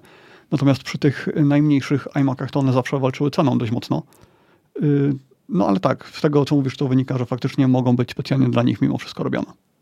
No także, także ciekawy jestem, co oni zrobią w tej kwestii. Ciężko powiedzieć, no. Naprawdę ciężko powiedzieć. E, jak to wszystko będzie wyglądało i jakie rozdzielczości dokładnie będą. Spodziewam jak, się czegoś pośredniego. Czego by, było, no. czego by nie było, nie kupujcie tego. Nie kupujcie 24-calowych y, monitorów w 2021 roku. To A ja się z tą nie zgodzę. Są, są zastosowania do takiego komputera. Komputer taki, Ale to wiesz... w pracy, sekretarka, coś tego typu? Nie, w domu. Na przykład komputer rodzinny, który sobie stoi gdzieś, nie wiem, z boku, e, w korytarzu, w salonie, gdzieś, wiesz, w rogu. Taki komputer dla wszystkich, żeby, żeby podejść coś zrobić. Często takie rodziny mają, nie, niekoniecznie w Polsce, często rodziny mają takie komputery, że mają taką po prostu zwykłą stacjonarkę do jakichś na, na bieżące potrzeby, a każdy ma swojego laptopa, czy iPada, czy coś innego. No okej, okay. akurat w mojej bańce nikt czegoś nie, takiego nie tak ma, więc nie, nie. nie myślałem no. o niczym takim. No nie, tu myślę o czymś takim. E, także... No i te, y, szkoły, dla szkół no, jak no, najbardziej. No, no, oczywiście. No nie wiem i zobaczymy, jak to będzie procesorowo wyglądać. Czy oni tam M1 wsadzą, czy jednak M1X będzie, czy będą wersje z M1 i z M1X i jak będzie kwestia RAMu wyglądała w przypadku M1X, czy będzie jednak off-package, czyli osobny RAM nie, nie y, łączony z procesorem, co mi się wydaje bardziej prawdopodobne, szczerze mówiąc, żeby konfiguracje wyższe były. Mm, nie wiem, no zobaczymy. E, I mają być kolorowe, to już chyba wspominaliśmy w poprzednich odcinkach. Mają, mają być tak, w tych kolorach. No, no, obudowy mają być, to aluminium ma być w kolorach e, iPadów R4. Tak, i sam design też ma być taki bardziej iPadowy, bardziej kanciasty. Co myślę, że bardzo dobrym kierunkiem, bo ten iMac dotychczasowy już się mocno zestarzał. O, bardzo Szczególnie mocno. ten dół taki gigantyczny. Tak, tak. Ma być, y, ma, ma, rendery tam na podstawie przecieków y, powodu, y, wyglądają tak, że to jest taki Pro Display XDR bez tej siatki z tyłu, tych takich wyciętych otworów do chłodzenia i z przodu też mniejsze ramki i tak dalej, bez tej, tej brody takiej wysokiej. No zobaczymy, co zrobią. No jestem ciekawy. To może być fajny komputer. Dobrze, MacBooki. Najpopularniejszy chyba e, Mac w ofercie. Um, 14-16 cali. Wiemy o 14, że ma, ma być w tym roku 14 cali nowy design, mają wrócić do portów większej ilości e, różnorodnych portów, jakiś czytnik kart SD być może, jakieś tego typu rzeczy. O, tu już wszedłeś z optymizmem. E, nie, no tak, tak, tak, tak mówią e, ploty. Ja, ja tego nie powiedziałem. No tak, ale nigdy w to nie uwierzę. Ale to, to było, co ciekawe, to było z takich źródeł, e, od Kanga chyba była jakaś informacja na ten temat, musiałbym sprawdzić w tej chwili. Um, Czyli bardzo dużo procent sprawdzalności, tak? O, ma 90 chyba 7%. A... No to do, będzie do miał tabeli. 95 wkrótce. Je, jest ranking, słuchajcie, jest ranking w ogóle e, tych, tych osób, co e, liki robią, co przecieki puszczają. E, I jest nowy lider. Kang spadł z pierwszego miejsca. Kang był na pierwszym e, miejscu, miał 97% e, dokładnych swoich przecieków. W tej chwili na pierwszym miejscu skończyła Siri. 100%. 100%. tak, okay. bo jak, jakbyście nie wiedzieli, to Siri zdradziła informację o tym. No, komu zdradziła, evencie. temu zdradziła. No. Mnie do samego to... końca mówiła, że mam sobie sprawdzić na stronie Apple'a. A ty się spóźniłeś już, to już, już ją poprawili. W Stanach już się obudzili, już ją poprawili. Nie, nie, ja od samego początku, chwilę y, jak pojawiły się pierwsze informacje, to ja od razu rano y, sprawdzałem. Ja info na Twittera wrzuciłem już później dużo, y, pod wieczór, ale ja to sprawdzałem, kiedy Polska jeszcze spała. Mhm.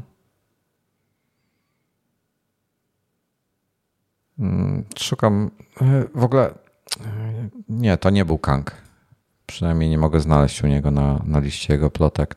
E, jego plotki na kwiecień są takie, że będzie iPad Pro i wersja Wi-Fi będzie przed wersją 5G, ale do iPadów Pro zaraz przejdziemy.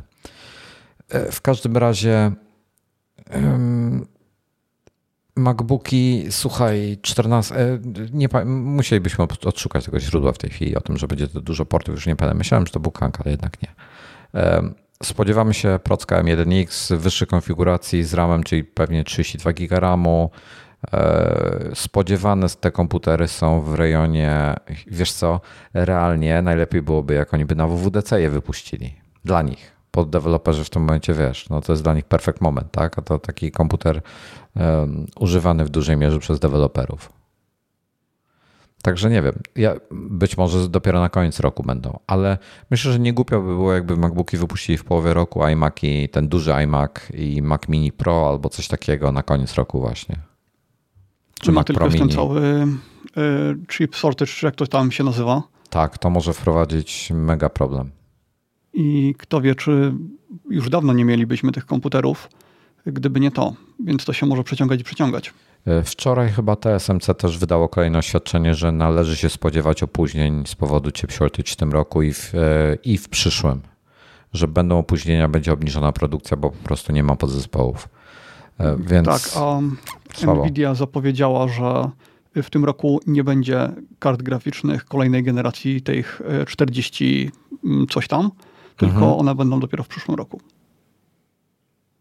Hmm. Znaczy w ogóle, dobra, nie, nie chcę wchodzić na temat NVIDIA. Shortage, shortage mamy, e, nieciekawie to wygląda, więc cholera wie, jak, jak będzie z Aha, dobra, nie, powiem to później, na koniec, ale nie, powiem już teraz, ale później też. No, dajesz. W tej chwili, słuchaj, ja się spóźniłem ze słuchawkami, z AirPodsami, z zamawianiem o godzinę mniej więcej. W sensie e, pojawiło się info, że są AirPodsy Max, ja zamiast wziąć jak normalny człowiek, zamówić sobie parę i potem napisać o tym artykuł, napisałem artykuł, a potem je poszedłem zamawiać. Tak, tak, to, to wiem, bo w Nadgryzionych mówiłeś, żeby ci następnym razem przy kolejnej premierze tak. pisali wiadomości na Twitterze. Dokładnie. Żebyś więc, nie powtórzył błędu. No, także, także kopcie mnie, y, bo to była głupota i y, i teraz wygląda na to, że będzie podobnie z iPadami. Zaraz przejdziemy, bo iPad Pro, który, którego się spodziewam, będzie naszym podsumowaniem odcinka, myślę. E, AirTagsy. E, więc MacBooki druga połowa roku. Nie, może WDC, może jesień. I ja czekam bardzo mocno na MacBooka Pro 14 cali. Powiem Ci szczerze, że prawdopodobnie.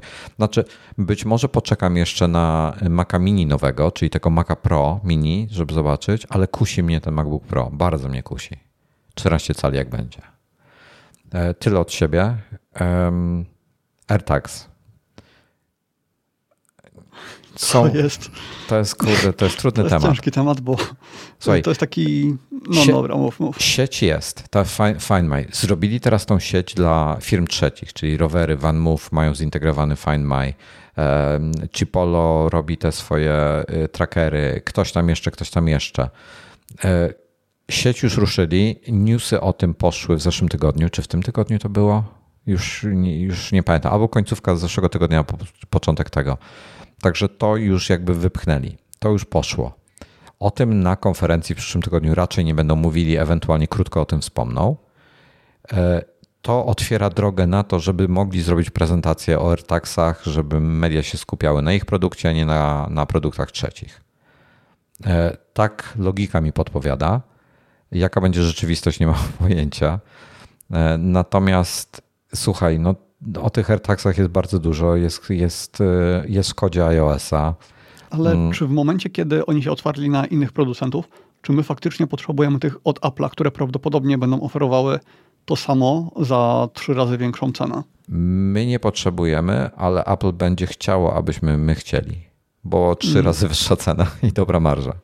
Ale ponoć mają być dosyć, dosyć tanie, tam już nie pamiętam, 60 czy 80 zł za jednego AirTagsa? To była ekstra cena. Ja potrzebuję tylko jednego, wrzucić go sobie do torby do tego Peak Designa, o którym mówiliśmy kiedyś. I to wszystko, bo miałem inny lokalizator, zapłaciłem za niego jeszcze więcej. Yy, chyba na pewno ponad 100 zł, ale on tak działa mocno tak sobie. Ostatecznie stwierdziłem, że skoro teraz działa, raz nie, to przestałem wymieniać baterię i już tego nie używam. Ja bym chyba ze trzy kupił. Na pewno, na pewno bym jednego wrzucił. Nie wiem, zależy jak duże będą, jak to będzie wyglądało. Na pewno do kluczy bym doczepił, więc mam dwa to, zestawy kluczy. To będzie wielkości monety 5-złotowej, może trochę większa. No właśnie, yy, tylko ja przy jednej par, yy, parę kluczy mam taki mi, minimalistyczny bardzo brelok. I nie wiem, jak tam będzie tego, ale, ale kusi mnie, żeby do kluczy doczepić sobie, do dwóch zestawów kluczy. E, I trzeci może wrzucić do auta na przykład. E, na pewno e, chciałbym mieć w torbie też. Tylko mhm. torby teraz jest taka, taka, a nie inna. Więc być może bym go po prostu. Znaczy tak, klucze i tak bym, no jak biorę torbę, to i tak klucze mam w środku, więc i tak by ten tracker był w tej torbie, więc wiesz, Ja mam tak samo, dlatego nie rozważam do kluczy. No, dlatego, dlatego yy, nie, nie, nie wiem, zastanowię się, ale chcę AirTagsy, mam nadzieję, że będą lub e, inne trackery te, te, tego typu. Zobaczymy, jak to będzie działało w ogóle. Wiesz, zastanawiam mnie, ile będą na, na baterii działały. Wiesz, to są takie kwestie techniczne, które są bardzo interesujące. Jeżeli będę musiał to co kilka dni ładować rzadziej niż raz na tydzień, to nie, prawdopodobnie nie. tego nie kupię. To, bo to są urządzenia, które często się wrzuca gdzieś, tak żeby o nich zapomnieć i one tam miesiącami powinny działać. Mhm. No powinny, a to wiesz, zobaczymy. Ja nie wiem. E, w w, artyku- w notatkach pod e, tym odcinkiem znajdziecie linka do mojego artykułu o iOS 13, e, gdzie, gdzie piszę o tym, jak działa ta sieć Find My od strony technicznej, więc jeżeli jest to coś, co Was interesuje, to, to zapraszam tam. Powiem tak, ty wątpisz, że będą AirTagsy w przyszłym tygodniu, we wtorek? Ja już chyba żadnych prognoz na ten temat nie chcę mówić, bo ja byłem przekonany, że to będzie wielokrotnie mhm. i za każdym razem, jak byłem przekonany, to nic tego nie wychodziło. Ja obstawiam, Więc... że będą w końcu. Być może się mylę, ale obstawiam, że będą. No chyba możemy założyć, że jeśli teraz się nie pojawią, to już po prostu nigdy ich nie będzie. Mo może tak być. No już teraz mają dobrą okazję. Nie wiem, wiesz co, słuchaj. Jest wiele powodów, dla którego to nie zrobili. Te, nie, nie wypuścili ich wcześniej. Nie wiem, zobaczymy. Jest szansa, słuchaj, zobacz jak iOS 14.5 jest długo w becie, mamy już 8 bet i nie wątpię, że w przyszłym tygodniu będziemy mieli finalną wersję. E, czyli to jest ta wersja, co umożliwia odblokowywać telefon, jak masz Apple Watcha i... Tak, tak, ta beta, na której ja jestem prawie od początku. Tak, tak, tak, dokładnie to. E, odblokowywać telefon przez Face ID nawet z maską i wiesz, no i słuchaj, długo, długo na tą będą pracują, więc ja spodziewam się, że tam trochę więcej funkcji dodali. E, nowych i być może właśnie AirTagsy są jedną z nich. No, zobaczymy. E, dobra, ostatnie dwa tematy. iPad mini.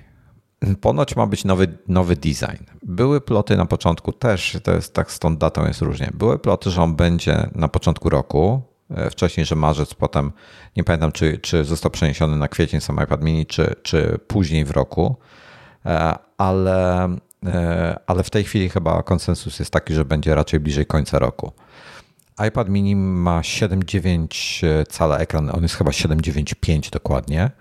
Ma ponoć wzrosnąć jego rozmiar do 8,4, ale nie jest jasne, czy zewnętrzne wymiary pozostaną takie same i po prostu ekran będzie większy, czy jednak e, wymiary zewnętrzne też urosną. Trzeba by to Bardzo przeliczyć. Bym się zdziwił. Bardzo bym się zdziwił, gdyby zewnętrzne urosły. Ja no bo w tym iPadzie chodzi o to, żeby on był mały. Tak, tak. I chodzi o to, żeby wykorzystać istniejące maszyny do produkcji tego samego designu. Żeby koszty mieli, mieli niewielkie. Więc ma zostać stary design, ma zostać Touch ID. E, wiem, że wiele osób czeka na nowego miniaka, bo obecny miniak ma chyba e, A12 i wypuszczony był w 2019 roku. Jeżeli zrobił miniaka, spodziewam się Raczej A14 bym się spodziewał w nim, ten z iPhone'ów. Raczej może A13 by wrzucili, ale nie sądzę. Myślę, że A14 dadzą. Ale nie rozumiem, nie rozumiem, dlaczego nie robią. Znaczy pewnie to samo, co z telefonem by się nie sprzedawał. Chcę iPada mini w designie iPada Pro albo iPada R4, mówiąc krótko, w tym nowym designie. Może nie mieć nawet Face ID, przeżyję. Nie wiem. Ja nigdy nie byłem w targecie tego iPada. No z racji tego, że mam tą torbę, w której zawsze mam większego iPada. Czy są jakieś statystyki, jak on się sprzedaje? Bo pamiętam, że poprzednio go odświeżyli też po jeszcze większej przerwie chyba niż teraz, prawda? To było ile? Trzy lata był jeden model sprzedawany. Już ci powiem, jak wyglądała dokładnie historia Maców Mini. Nie, nie pamiętam. Zresztą przez długi czas też z podstawowym iPadem tak było, z tym najtańszym. Maców Mini, 9,7 cala. E, już, już ci mówię. E, pierwszy mini był w 2012 roku. E, to było potem mini dwójka w 2013 roku.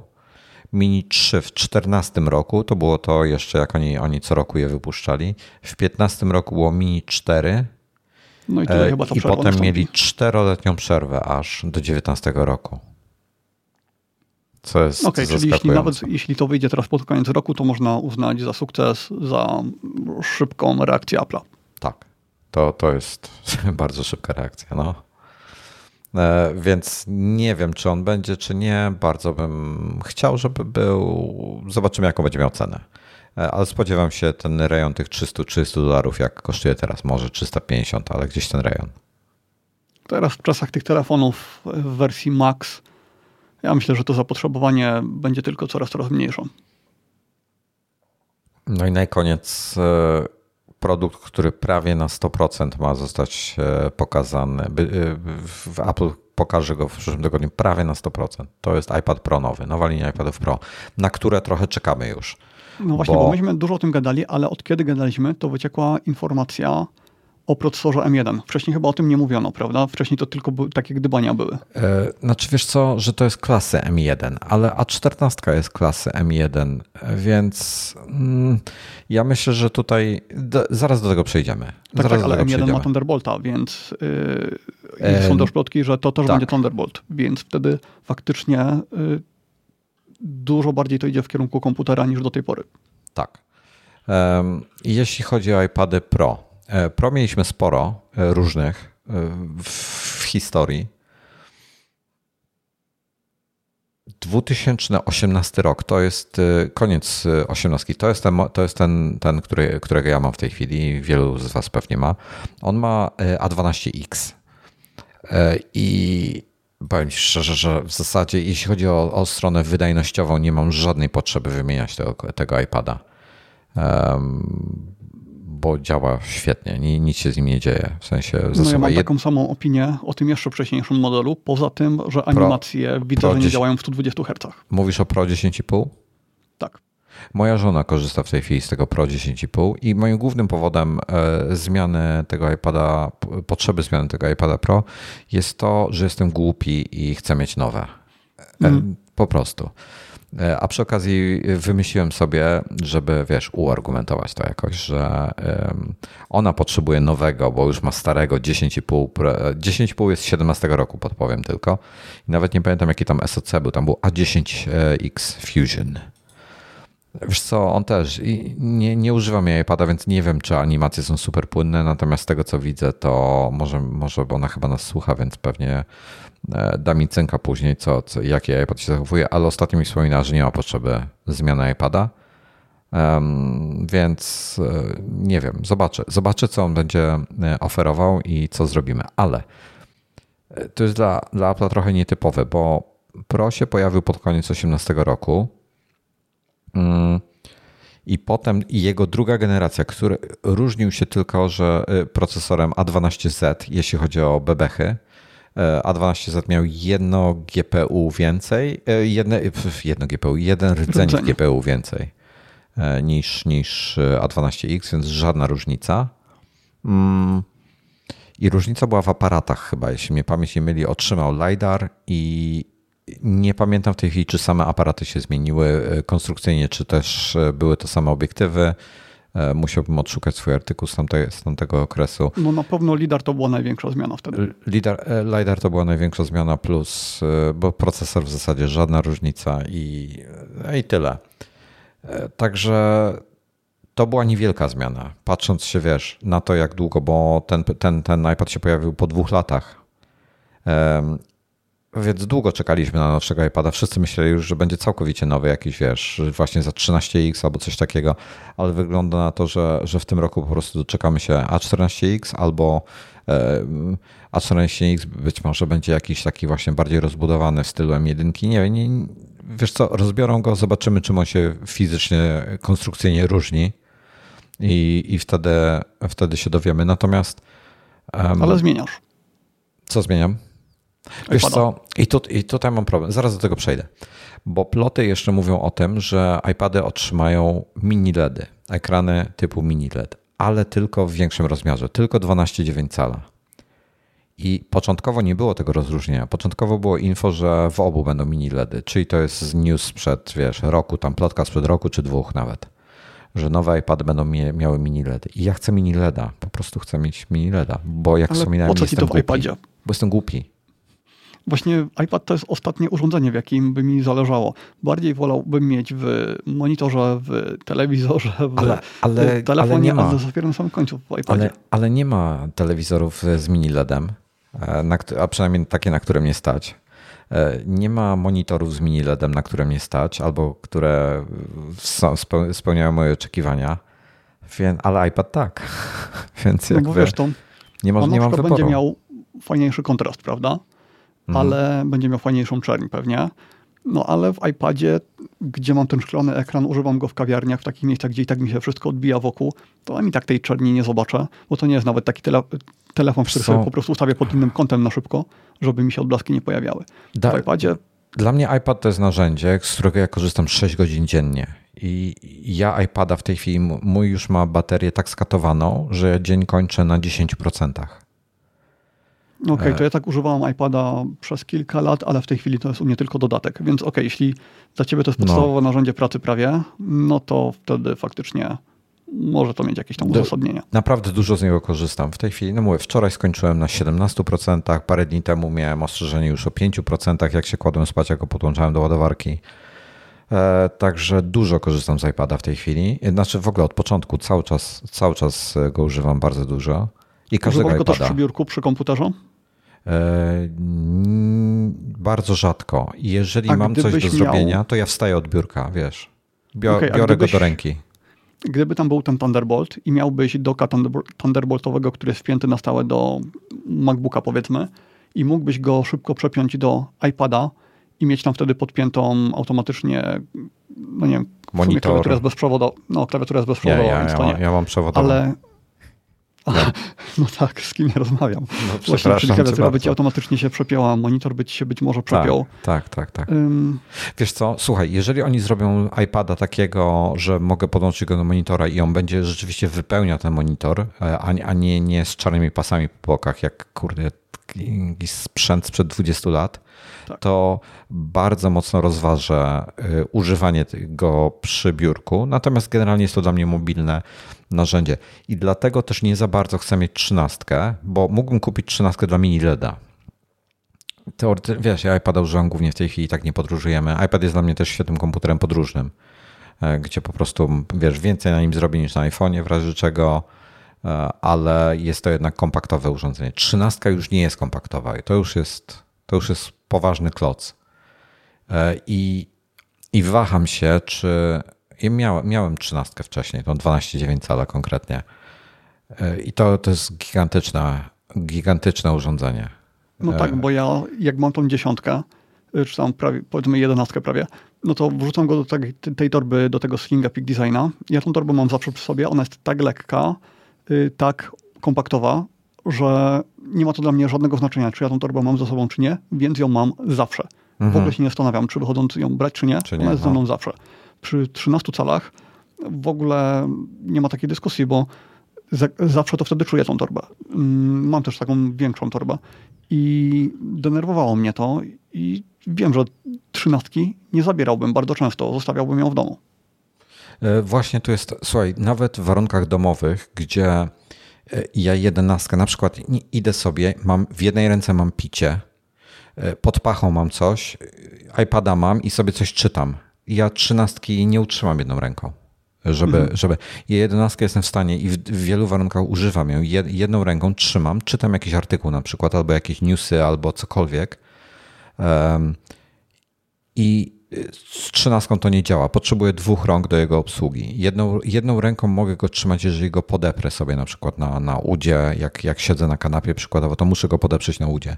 Jedenastkę jestem w stanie trzymać.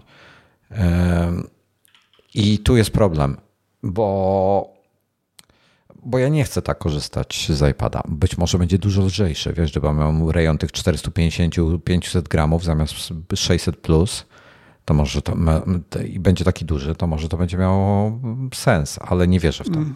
Ja mam jeszcze taki pręt, to się chyba nazywa Suspendo czy coś takiego. To jest taki pręt, który się wygina w różne na różne sposoby. Mhm. Na przykład można sobie iPada zawiesić na szyi, można go przymocować w autobusie do siedzenia, które jest przed tobą i sobie postawić au, y, tego iPada centralnie przed głową. Wrzuci mi zdjęcie tego. Y, no wyobraź sobie, wyobraź sobie metrowy pręt w takiej, mm, w jakiejś takiej gumowej, y, w gumowym oplocie y, i mocowanie takie, że się jednym ruchem montuje iPada w środku. Y, więc używam tego w hotelach, używam tego w podróży. 13-calowy y, byłby już do czegoś takiego za duży. Już y, musiałbym się porządnie zastanowić, kiedy mogę tego użyć, a kiedy nie. Dlatego, dlatego pewnym, znaczy to jest też głupie rozwiązanie, ale pewnym rozwiązaniem dla mnie byłoby mieć, tylko musiałby być ten, w tym nowym designie, iPada mini, takiego 8-calowego, z którego bym korzystał właśnie mobilnie i większego iPada, z którego bym korzystał mniej mobilnie. To jest, to jest jedna rzecz, co jest głupie, no ale, ale kurde, no ale fajne z drugiej strony. E, wygodnie jest mieć jednak jedno urządzenie. E, no to wracając do naszego e, tematu, który był trochę wcześniej, jak będzie VR, to on ci zastąpi i iPada, tak. i małego iPada dużego, tak, wszystko. i laptopa. Tak. I, I wiesz, co byłoby jeszcze fajne? Taki ekran, jak jest w tym OPO teraz pojawiło. Na, e, Dominik wrzucił na naszego YouTube'a, na iMagowego YouTube'a e, film z tego rozkładanego, takiego zwijanego ekranu w smartfonie OPPO, który się z, z wąskiego smartfona robi, e, robi się z niego tablet, a ekran się zwija. To jest fajne. Bardzo bym chciał taki tablet, nie telefon. Tak. No, i, i, nie, po prostu gdyby iPad wyszedł w takiej formie. Tak, z takim rozwijanym to, ekranem, prawda? Tak, to wtedy bardzo bym go rozważał, nawet takiego, nawet większy rozmiar. E, Tomku, e, Mr. Kramerko prosi o doprecyzowanie. Nic nie skaluje, nie jest inny powód.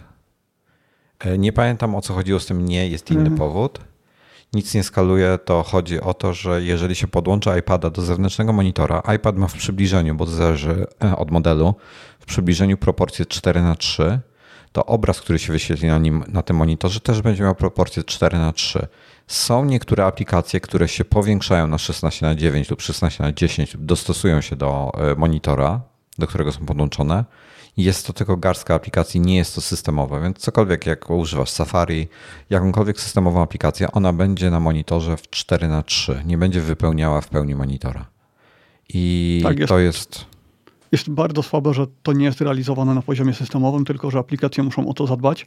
Szczególnie, że mamy różne rozmiary telefonów. iOS skaluje się wspaniale. To, to jest dla mnie nie, niedopuszczalne zupełnie. No. Szczególnie w tym roku. Tak, I mam 21 rok, oni dalej tego nie ogarnęli. To jest dla mnie niezrozumiałe, niedopuszczalne. Jeśli będzie ten Thunderbolt, to nie widzę opcji, żeby to dalej miał tak pozostać. Natomiast nowy iOS wychodzi dużo później niż nowy iPadOS wychodzi dużo później. Ym, więc no nie zgrywa mi się to czasowo.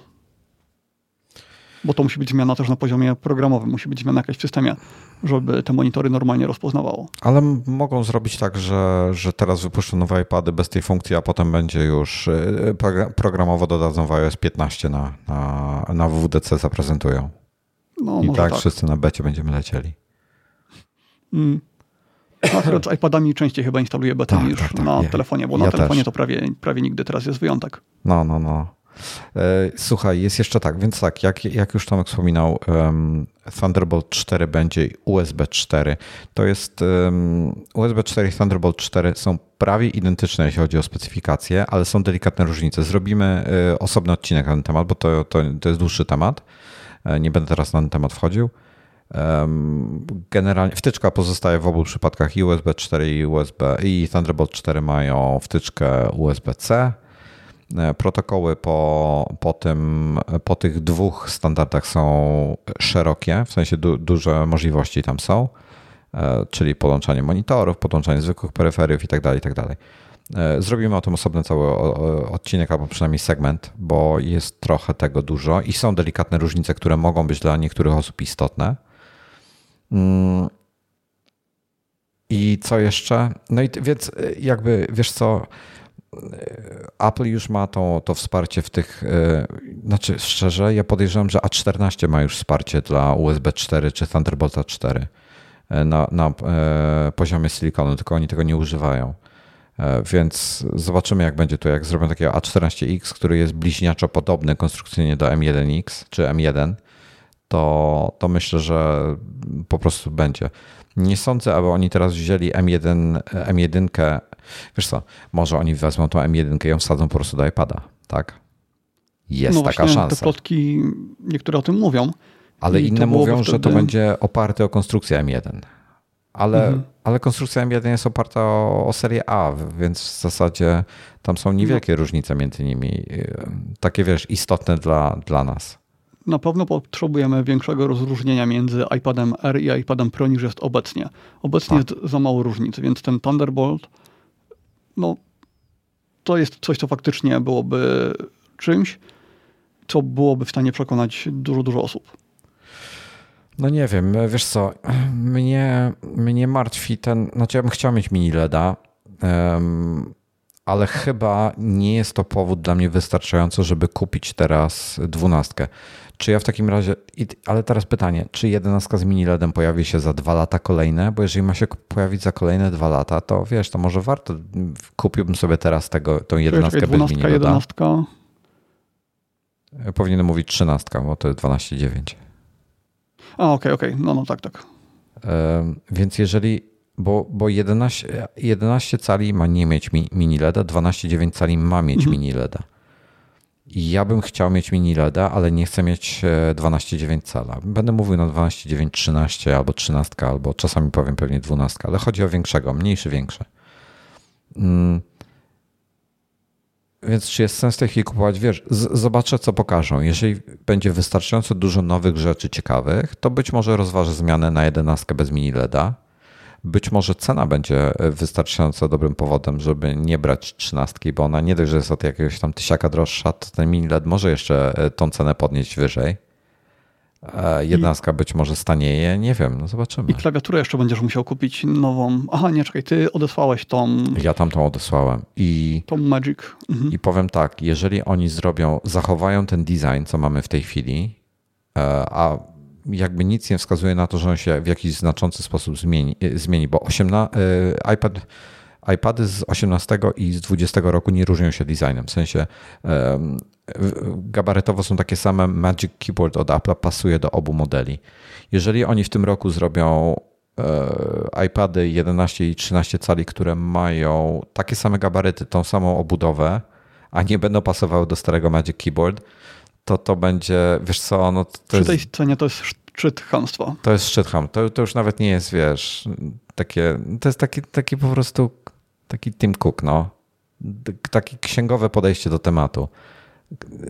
Nie wiem, co by musieli zrobić w tym Magic Keyboard, żeby mnie przekonać, że... Tym bardziej, że te klawiatury w przeciwieństwie do tych y, smart keyboardów nie Mhm. są wodoodporne, więc y, jak ja bym używał tej klawiatury tak jak używam obecnej, czyli siedzę sobie w kawiarni, Mhm. piję sobie mrożoną herbatę i popijam ją nad tym iPadem, to mi tam non-stop się skrapla na tą klawiaturę i non-stop ją przecieram. Y, Już dawno bym zabił tą, y, tą to, droższą. jest, to jest plus. Znaczy powiem tak, Magic Keyboard jest świetny. Naprawdę bardzo fajne urządzenie. Problem z tym, je, z nim jest jeden. Kosztuje 1500 zł. I waga, ona jest ciężka. Ja, wiesz co, biorąc pod uwagę, że oni robią masową produkcję tej klawiatury, a ja wiem, ile kosztuje, kosztują klawiatury customowe, e, robione w ilościach 100, 150, 25 sztuk.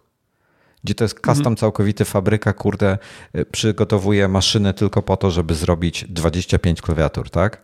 Czy też obudów do klawiatur.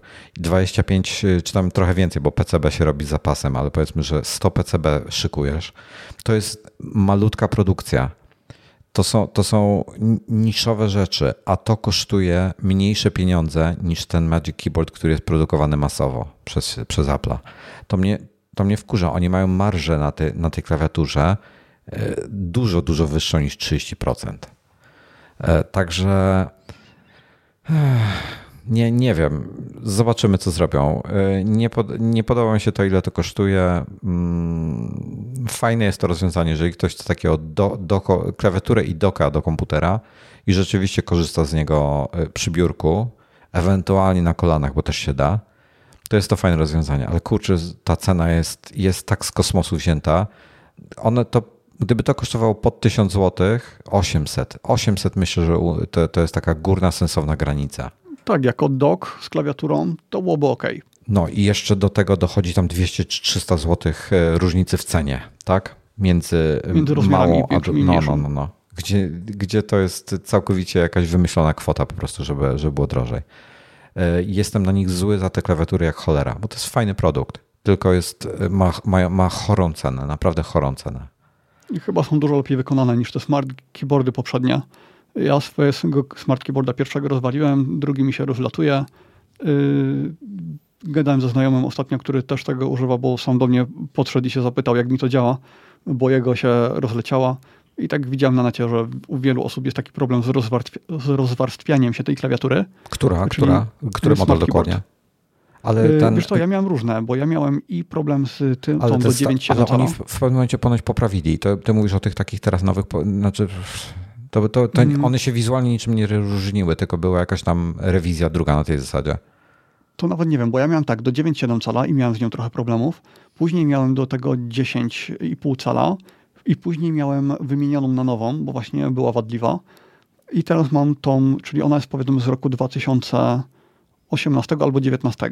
Mhm. I mam problemy ze, nie wiem, ze stykiem. To znaczy ten smart connector, on nie przesyła danych bardzo często, nawet jeśli jest podpięty. Na przykład piszę coś na klawiaturze, nagle wyskakuje mi klawiatura ekranowa i wtedy jak ja piszę, to już nic się nie dzieje. I czasami Jest- tak, tak, klawiatura ekranowa się gubi.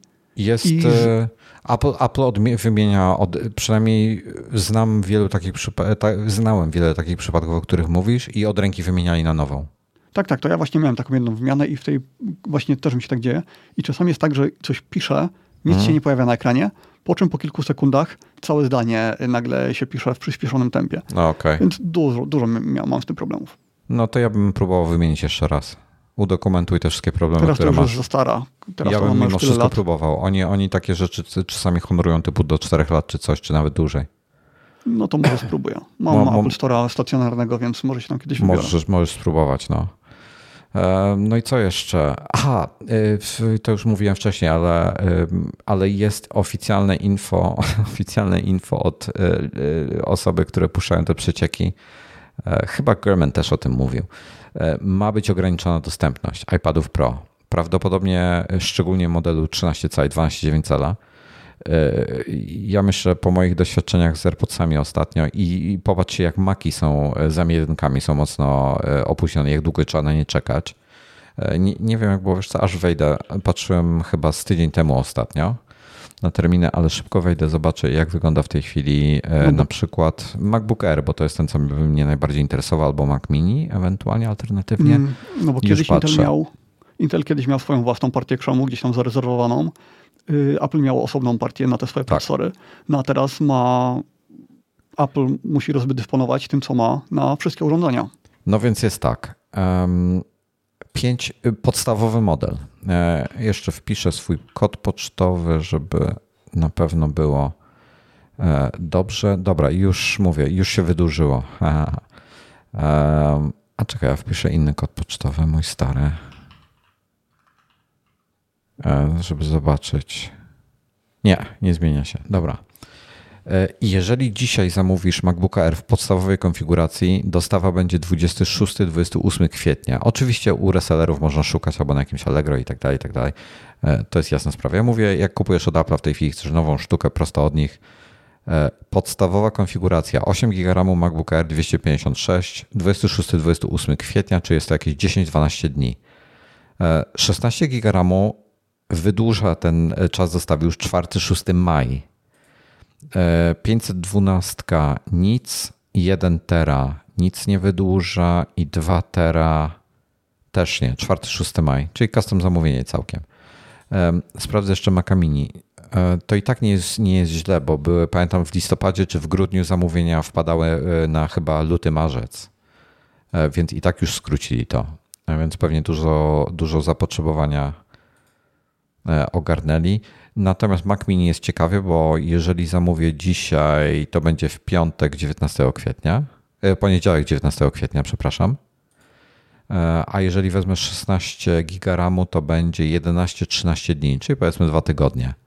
E, zmiana SSD na nic nie wpływa, czyli prawdopodobnie to jest, to jest proces fabryki, przyjeżdża do ciebie. Ale widać, że podstawowy model jest na stanie, bo na poniedziałek, jak dzisiaj zamówię, to na poniedziałek będzie u mnie. Więc dzisiaj go wyślę jeszcze.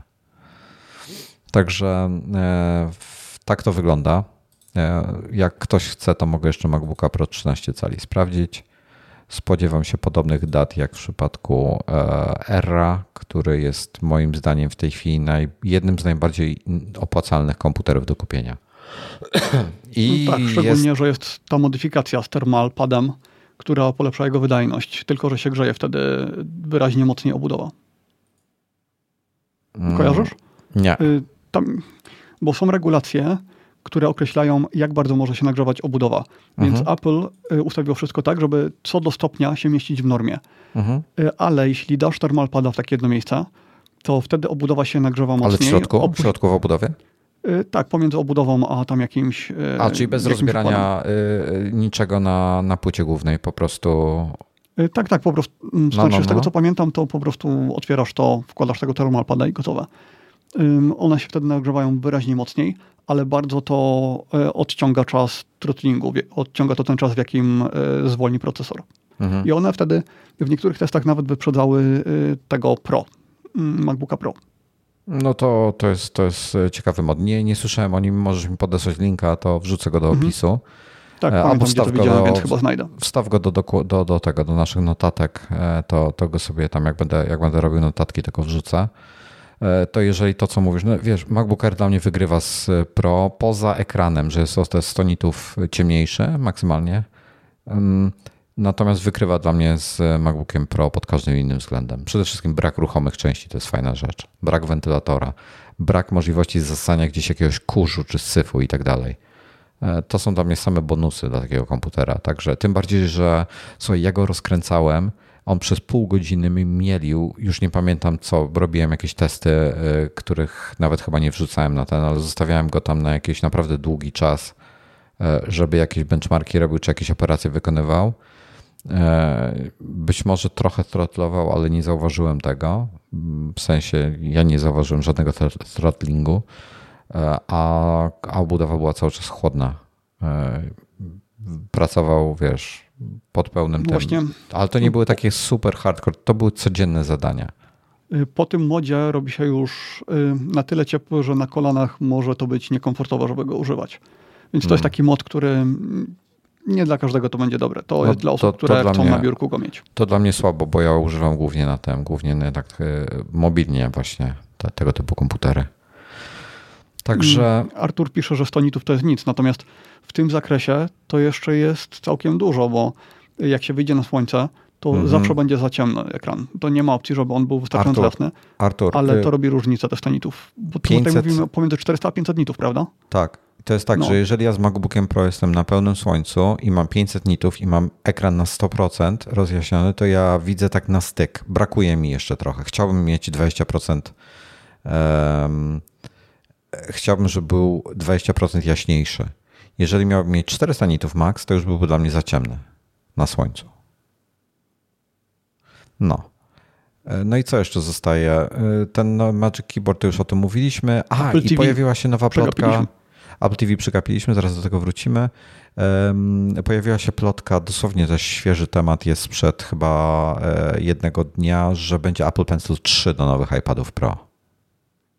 No, ten drugi jest już tak dobry, że yy, osoby, które go mają, nie wiem, czy by go chciały wymieniać, chyba że przyciski by się pojawiły. No tak jak w Wacomach. To, było, to byłaby gigantyczna zmiana.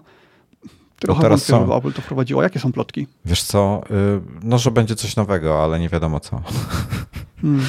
No, wiesz, bardzo wiesz co, tych on, przycisków. On ma, on ma ten obecny pencil ma tak, że możesz podwójnie pacnąć tam w niego tak, i, ale... i, zmieniać coś. Ale wiesz co ci powiem? Wiesz, wiesz co ja odkryłem? że je, jak trzymam sobie i, jak, I to zauważyłem, potem sprawdzałem to, jak trzymam długopis, ołówek, cokolwiek w ręce tego typu, to ja co jakiś czas sobie tak pacam e, palcem wskazującym w mm. niego. I to powoduje, że ja co chwilę przełączałem i tak się zastanawiam, kurde, dlaczego mi ten Procreate się rozpieprza i cały czas mi jakąś inną funkcję włącza. I dopiero po chwili skapnąłem się, że, e, że tak robiłem i, um, i ten, i, i, i, wyłączyłem po prostu to, ale fizy, wolałbym fizyczny przycisk, to byłoby, to byłoby ok, no. No tak, Wacome mają dwa przyciski i od biedy jakby był jeden, to jeszcze dałoby się to przeżyć, ale ten jeden to naprawdę dużo zmienia. Ja ci powiem, co ja podejrzewam, że zrobią, bo iPady Pro obecne mają 120 Hz e, panele, odśwież- częstotliwość odświeżania, natomiast próbkowanie dotyku mają 240 Hz, mhm. pen, Pencila dwójki. Podejrzewam, że zwiększą to do typu 480 Hz. Próbkowanie. Okej, okay, ale pytanie, czy wtedy faktycznie. Będzie mniejszy lag, będzie płynniej. Mm, Okej, okay, czy da się to zrobić, zostawiając na ekranie 120 Hz? Tak. E, tak. E... No tak, bo w sumie on w żaden sposób nie odczytuje tego, co jest na ekranie. Tam Okej. Okay. Ten telefon kosztujący 3000, 3,5 tysiąca złotych ma 120 Hz OLEDa. Ma... Wojtek pokazuje jakiś dziwny niebieski wynalazek androidowy najpewniej. Tak, Xiaomi Mi 11 i ma, e, on ma próbkowanie dotyku 480 Hz. Więc e, robią to już przy 120, e, przy 120 Hz OLEDach, więc nie wątpię, że, że da się to zrobić w iPadzie. Okej, okay, no to fajnie. E, Artur jeszcze mówi, ja bym oddał te 100 nitów za wiatrak, w sensie brak wiatraka. No właśnie, ja też, chyba też, ale chciałbym 500 mimo wszystko. Nic, czekam, zobaczę, pomyślę. Nie wiem, co będzie z tymi iPadami Pro, czy, kupić, czy kupię, czy nie. Zobaczę, co pokażą w przyszłym tygodniu. Pewnie z tego tytułu na pewno w piątek będziemy. Znaczy, ja w ogóle przyszły tydzień mam tak zawalony, że nie mam pojęcia, kiedy co ogarnę. W piątek na pewno musimy nagrać nadgryzionych. Wiem, że Dominik coś chce, nie wiem jak będzie z czasem, więc wszystko jest y, totalnie rozwalone. Nie mam pojęcia jak to zrobimy. Chciałem jakiś live stream zrobić. Bo myślałeś, czy na konferencję czegoś nie zrobić zaraz po konferencji? Czy zaraz po konferencji nie zrobić? Nie wiem, czy zrobię, czy, czy, czy po konferencji zrobić live streama, czy zrobić, czy może jakieś wideo przygotować z tego tytułu. Mm, nie mam pojęcia. Jeszcze się zastanawiam, zobaczymy pewnie, pewnie na początku tygodnia w poniedziałek coś ustalimy. Zastanowimy się co dalej, ale jeszcze Apple TV mieliśmy wspomnieć. E, ostatnie Apple TV było o, o się, o. No chyba już od dwóch lat ludzie są rozczarowani, że nie ma, że go nie pokazują. Znaczy powiem tak. E, pierwszy Apple TV pojawił się w siódmym roku, druga generacja w dziesiątym, e, trzecia generacja, którą, którą mam chyba jeszcze do dzisiaj. Nie, nie miałem trzeciej, a może miałem trzecią generację? Już nie pamiętam. Ja miałem na pewno. Miałem trzecią generację i sprzedałem ją. To było, e, to było w 2012 roku. W 2015 się e, pojawiło e, Apple TV nowsze. To była trzecia generacja, mówisz o trzeciej generacji, która pozwalała chyba na robienie AirPlaya bezpośrednio z pominięciem Wi-Fi. To była taka zmiana duża. Tak, już patrzę. Ale to bo cały tutaj... czas była trzecia generacja. Druga, inaczej, powiem w ten Druga generacja miała Apple A4, trzecia generacja miała Apple A5, E, czwarta generacja, e, czy też taka poprawiona trzecia generacja miała, e, miała A8 i mamy w tej chwili Apple TV 4K z A10X, czyli to, co w iPadzie Pro siedzi, 10,5 cala twoim. A, to czekaj, to jak ty mówiłeś, taka poprawiona y, trójka, to miałeś na myśli nie tą e, minimalną zmianę, tylko po prostu Apple TV 4, które już mogło, mogliśmy tam instalować wszystkie aplikacje. To, co nie ma 4K, a, tak, tak, to ja to mam. a ma Full HD, to było w 2015 roku, to jest czwarta generacja oficjalnie. Tak, ta nowa generacja wprowadzała też takie zmiany, o których, y, o których nie ma nigdzie informacji w specyfikacji. To mhm. znaczy automatyzacje z HomeKitu działają y, podobno dużo tak. sprawniej, szybciej. Tak, tak, tak Szczególnie tak, tak. Bluetooth łapie też dużo lepiej Y, szybciej, mm, szybciej wywołuje te automatyzacje bluetoothowe. No i słuchaj, i mam, odkąd, jak wspominałem wcześniej, telewizor wymieniłem na 4K, to wymieniłem też Apple TV na 4K. E, I. Czyli pół roku temu gdzieś, tak? Jakoś tak przed. Przed. W grudniu. Przed to było w grudniu. To było w grudniu. Teraz po Czarnym Piątku? Okej. Okay. E, tak, właśnie, to, to, jeszcze nie dodałem. Ja telewizor kupowałem na e, tydzień przed Black Friday, dlatego że pojawiła się promocja, gdzie jego cena zjechała na tyle w dół, że już było super, a jeszcze skorzystałem z promocji e, jakiejś tam dodatkowej i w sumie mi wyszło ponad 20% taniej niż, niż, e, niż cena jakby ta, ta przed, Black, e, przed promocją. I na Black Friday cena tego telewizora poszła ciut do góry, więc w sumie, w sumie cieszę się, że zdecydowałem Apple TV chyba zamówiłem dokładnie na Black Friday. Ja go na Black Friday kupiłem i dostałem z tego tytułu chyba tam 200 zł rabatu dawali, więc jakby no... To dużo, przy tym to dużo. Ja nie pamiętam już właśnie, czy ja dostałem... A, już wiem co, z... tak, dali 200 zł kredytu a no ja tak, potrzebowałem. bo Apple tak daje. No. Tak, a ja potrzebowałem dwa kable HDMI, więc kupiłem od nich dwa kable HDMI od razu i zapłaciłem za te dwa kable chyba typu 50 zł czy coś takiego. One chyba wychodziły 250 za dwa. E, I, I dodam, że próbowałem wcześniej kupić, e, łaziłem po sklepach i po internetach, szukałem dobrych kabli certyfikowanych na 4K 120 Hz i e, albo były droższe od tych Apple'owych certyfikowanych, albo w podobnej cenie, albo były takie podejrzane, że nie do końca chciałem je kupować. E, tak, A bo to chodzi miałem... o te kable o bardzo dużej przepustowości, tak. która... Mhm. No i te belkina wziąłem i spisują się bez zarzutu. Także nie, ma, nie mam żadnych pretensji do nich e, i dwie sztuki kupiłem. No i tak, wiesz, ten rabat dostałem od tamtej pory nic w Apple Store nie kupiłem więc y, dobrze, wykorzystałem na te kable, bo i takie potrzebowałem i tak. E, więc to było trochę i tego irytujące, bo Apple TV mi stało przez kilka dni czekałem na kable, bo, e, bo Apple TV mi przysłali i dopiero jak go odebrałem, to mi przyznali kredyt. Więc mm. musiałem go odebrać, przyznałem kredyt, zamówiłem wtedy kable. E, no, ale tak to wykorzystałem. Także pierwszy raz w życiu wykorzystałem tak naprawdę jakiekolwiek promocje na Black Friday sensownie. I, i jedyną rzecz, którą bym chciał, wiesz co, chciałbym, żeby był trochę szybszy. On, problem z Apple TV jest taki, wszystko działa ok, ale trochę wolne są zdjęcia, aplikacja zdjęcia, gdzie z żoną lubimy na telewizorze popatrzeć sobie na albumy z iClouda i trochę wolno to działa. Chciałbym, żeby mimo tej A10, ale podejrzewam, że to jest kwestia optymalizacji softu, a nie e, wydajności procka, bo A10 ma, e, wiesz, widzę jak się w iPadzie zachowuje, a jak na Apple TV. Mhm. Więc myślę, że tutaj przydałaby się trochę optymalizacja tvOS i aplikacji. Mm, na telewizorze ma do obsługi dużo wyższą rozdzielczość, więc to też dodatkowo obciąża. No niby tak. Ale, ale Apple TV 4K odstaje pod... Jak on się nazywa? 4K, prawda? Apple TV 4K, jak, tak, tak, tak. On odstaje od HomePoda mini pod względem HomeKitu, bo nie obsługuje tej technologii e, Thread, czy jak to się nazywa? Thread? Chyba Thread. Ym, no i jest wolniejsza od HomePoda mini w automatyzacjach. Więc w tej chwili, jeśli ktoś chce mieć y, HomeKit działający najlepiej jak się da, no to musi kupić tego HomePoda mini. E, mi się nie, nie podoba. E, e, mi się nie podoba, właśnie próbuję tutaj w HomeKitie, nie pamiętam gdzie to się ustawiało, w Home Settings może, pokazuje wszystkie huby. O, jest, znalazłem. Tak, tak nie da się ręcznie przełączyć, którego ma używać. Tak, ja mam w tej chwili raz, dwa, trzy, cztery, pięć hubów potencjalnych i w tej chwili korzysta z HomePoda, który jest najdalej od mojego routera. Tak, musisz go wypiąć z prądu, poczekać chwilę tak. i wtedy się przełączy na coś innego, bez Dokładnie. sensu. I, I co ciekawe, nie jest to HomePod mini, tylko jest to duży HomePod i korzysta z niego. Nie wiem dlaczego, niedawno był inny, przełączył się na, na teraz na tego, nie mam pojęcia dlaczego.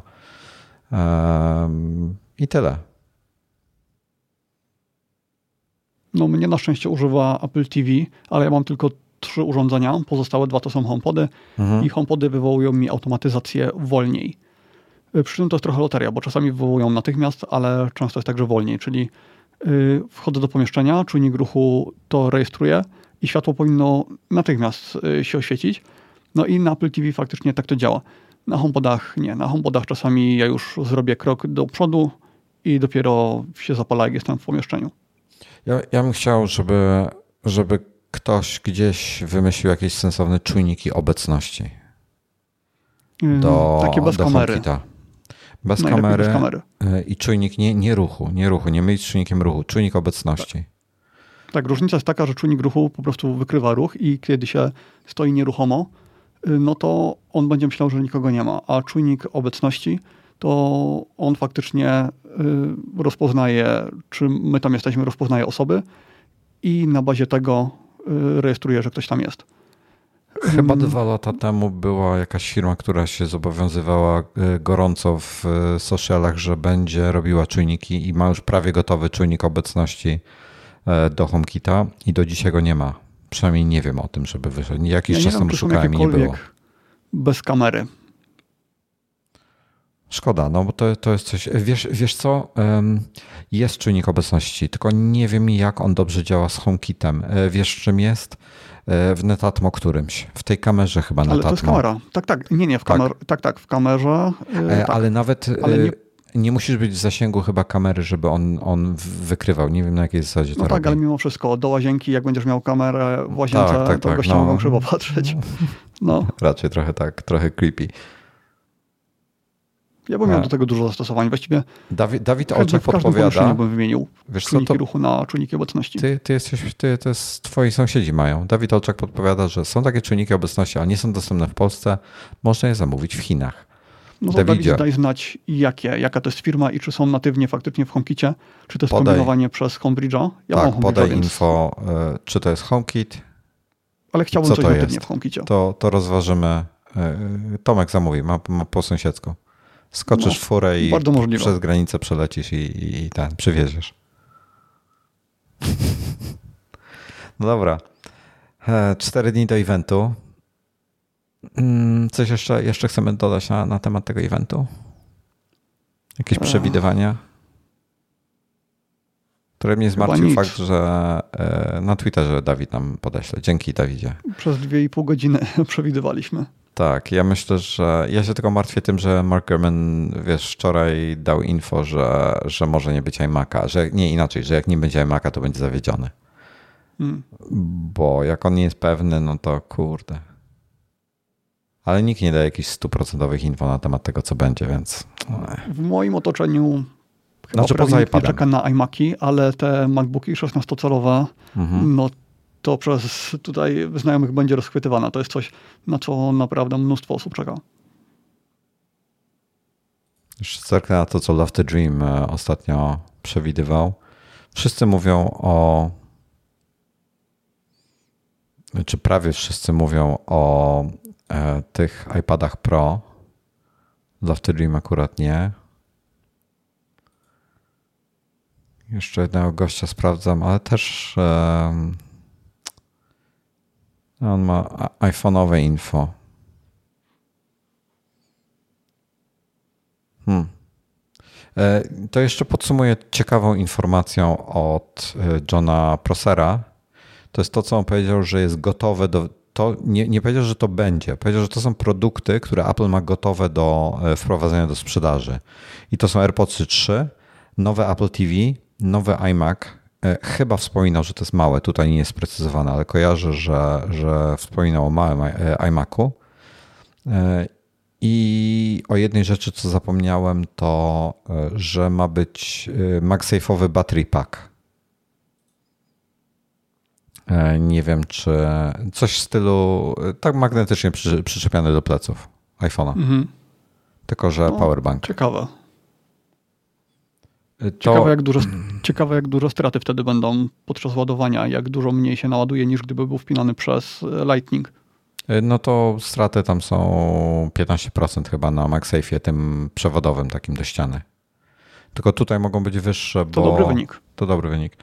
Y, tutaj mogą być wyższe ze względu na temperaturę, bo albo wolniejsze ładowanie będzie, bo bateria sama w sobie będzie generowała, iPhone będzie generował ciepło, on daje go przecież w dużej mierze przez, ten, przez plecy i jak będę na tych plecach będzie jeszcze bateria, która też się rozgrzewa, to może być słabo. Więc zobaczymy. 20. E, e, ja się szykuję na to, że coś kupię, niestety. E, ty coś planujesz?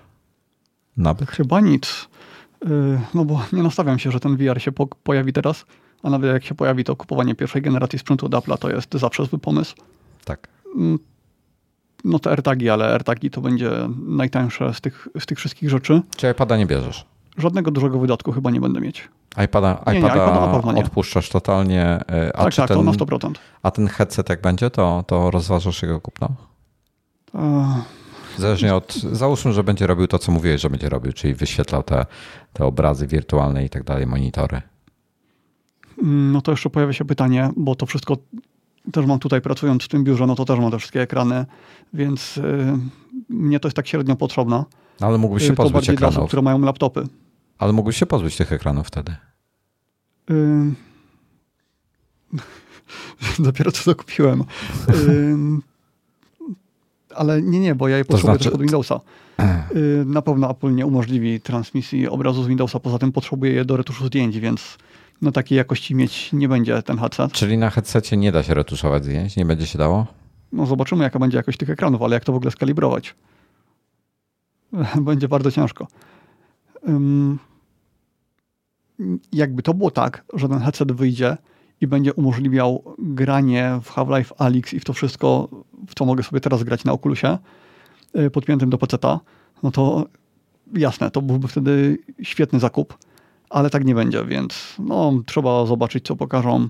Prawdopodobnie poczekać do drugiej generacji i wtedy kupić.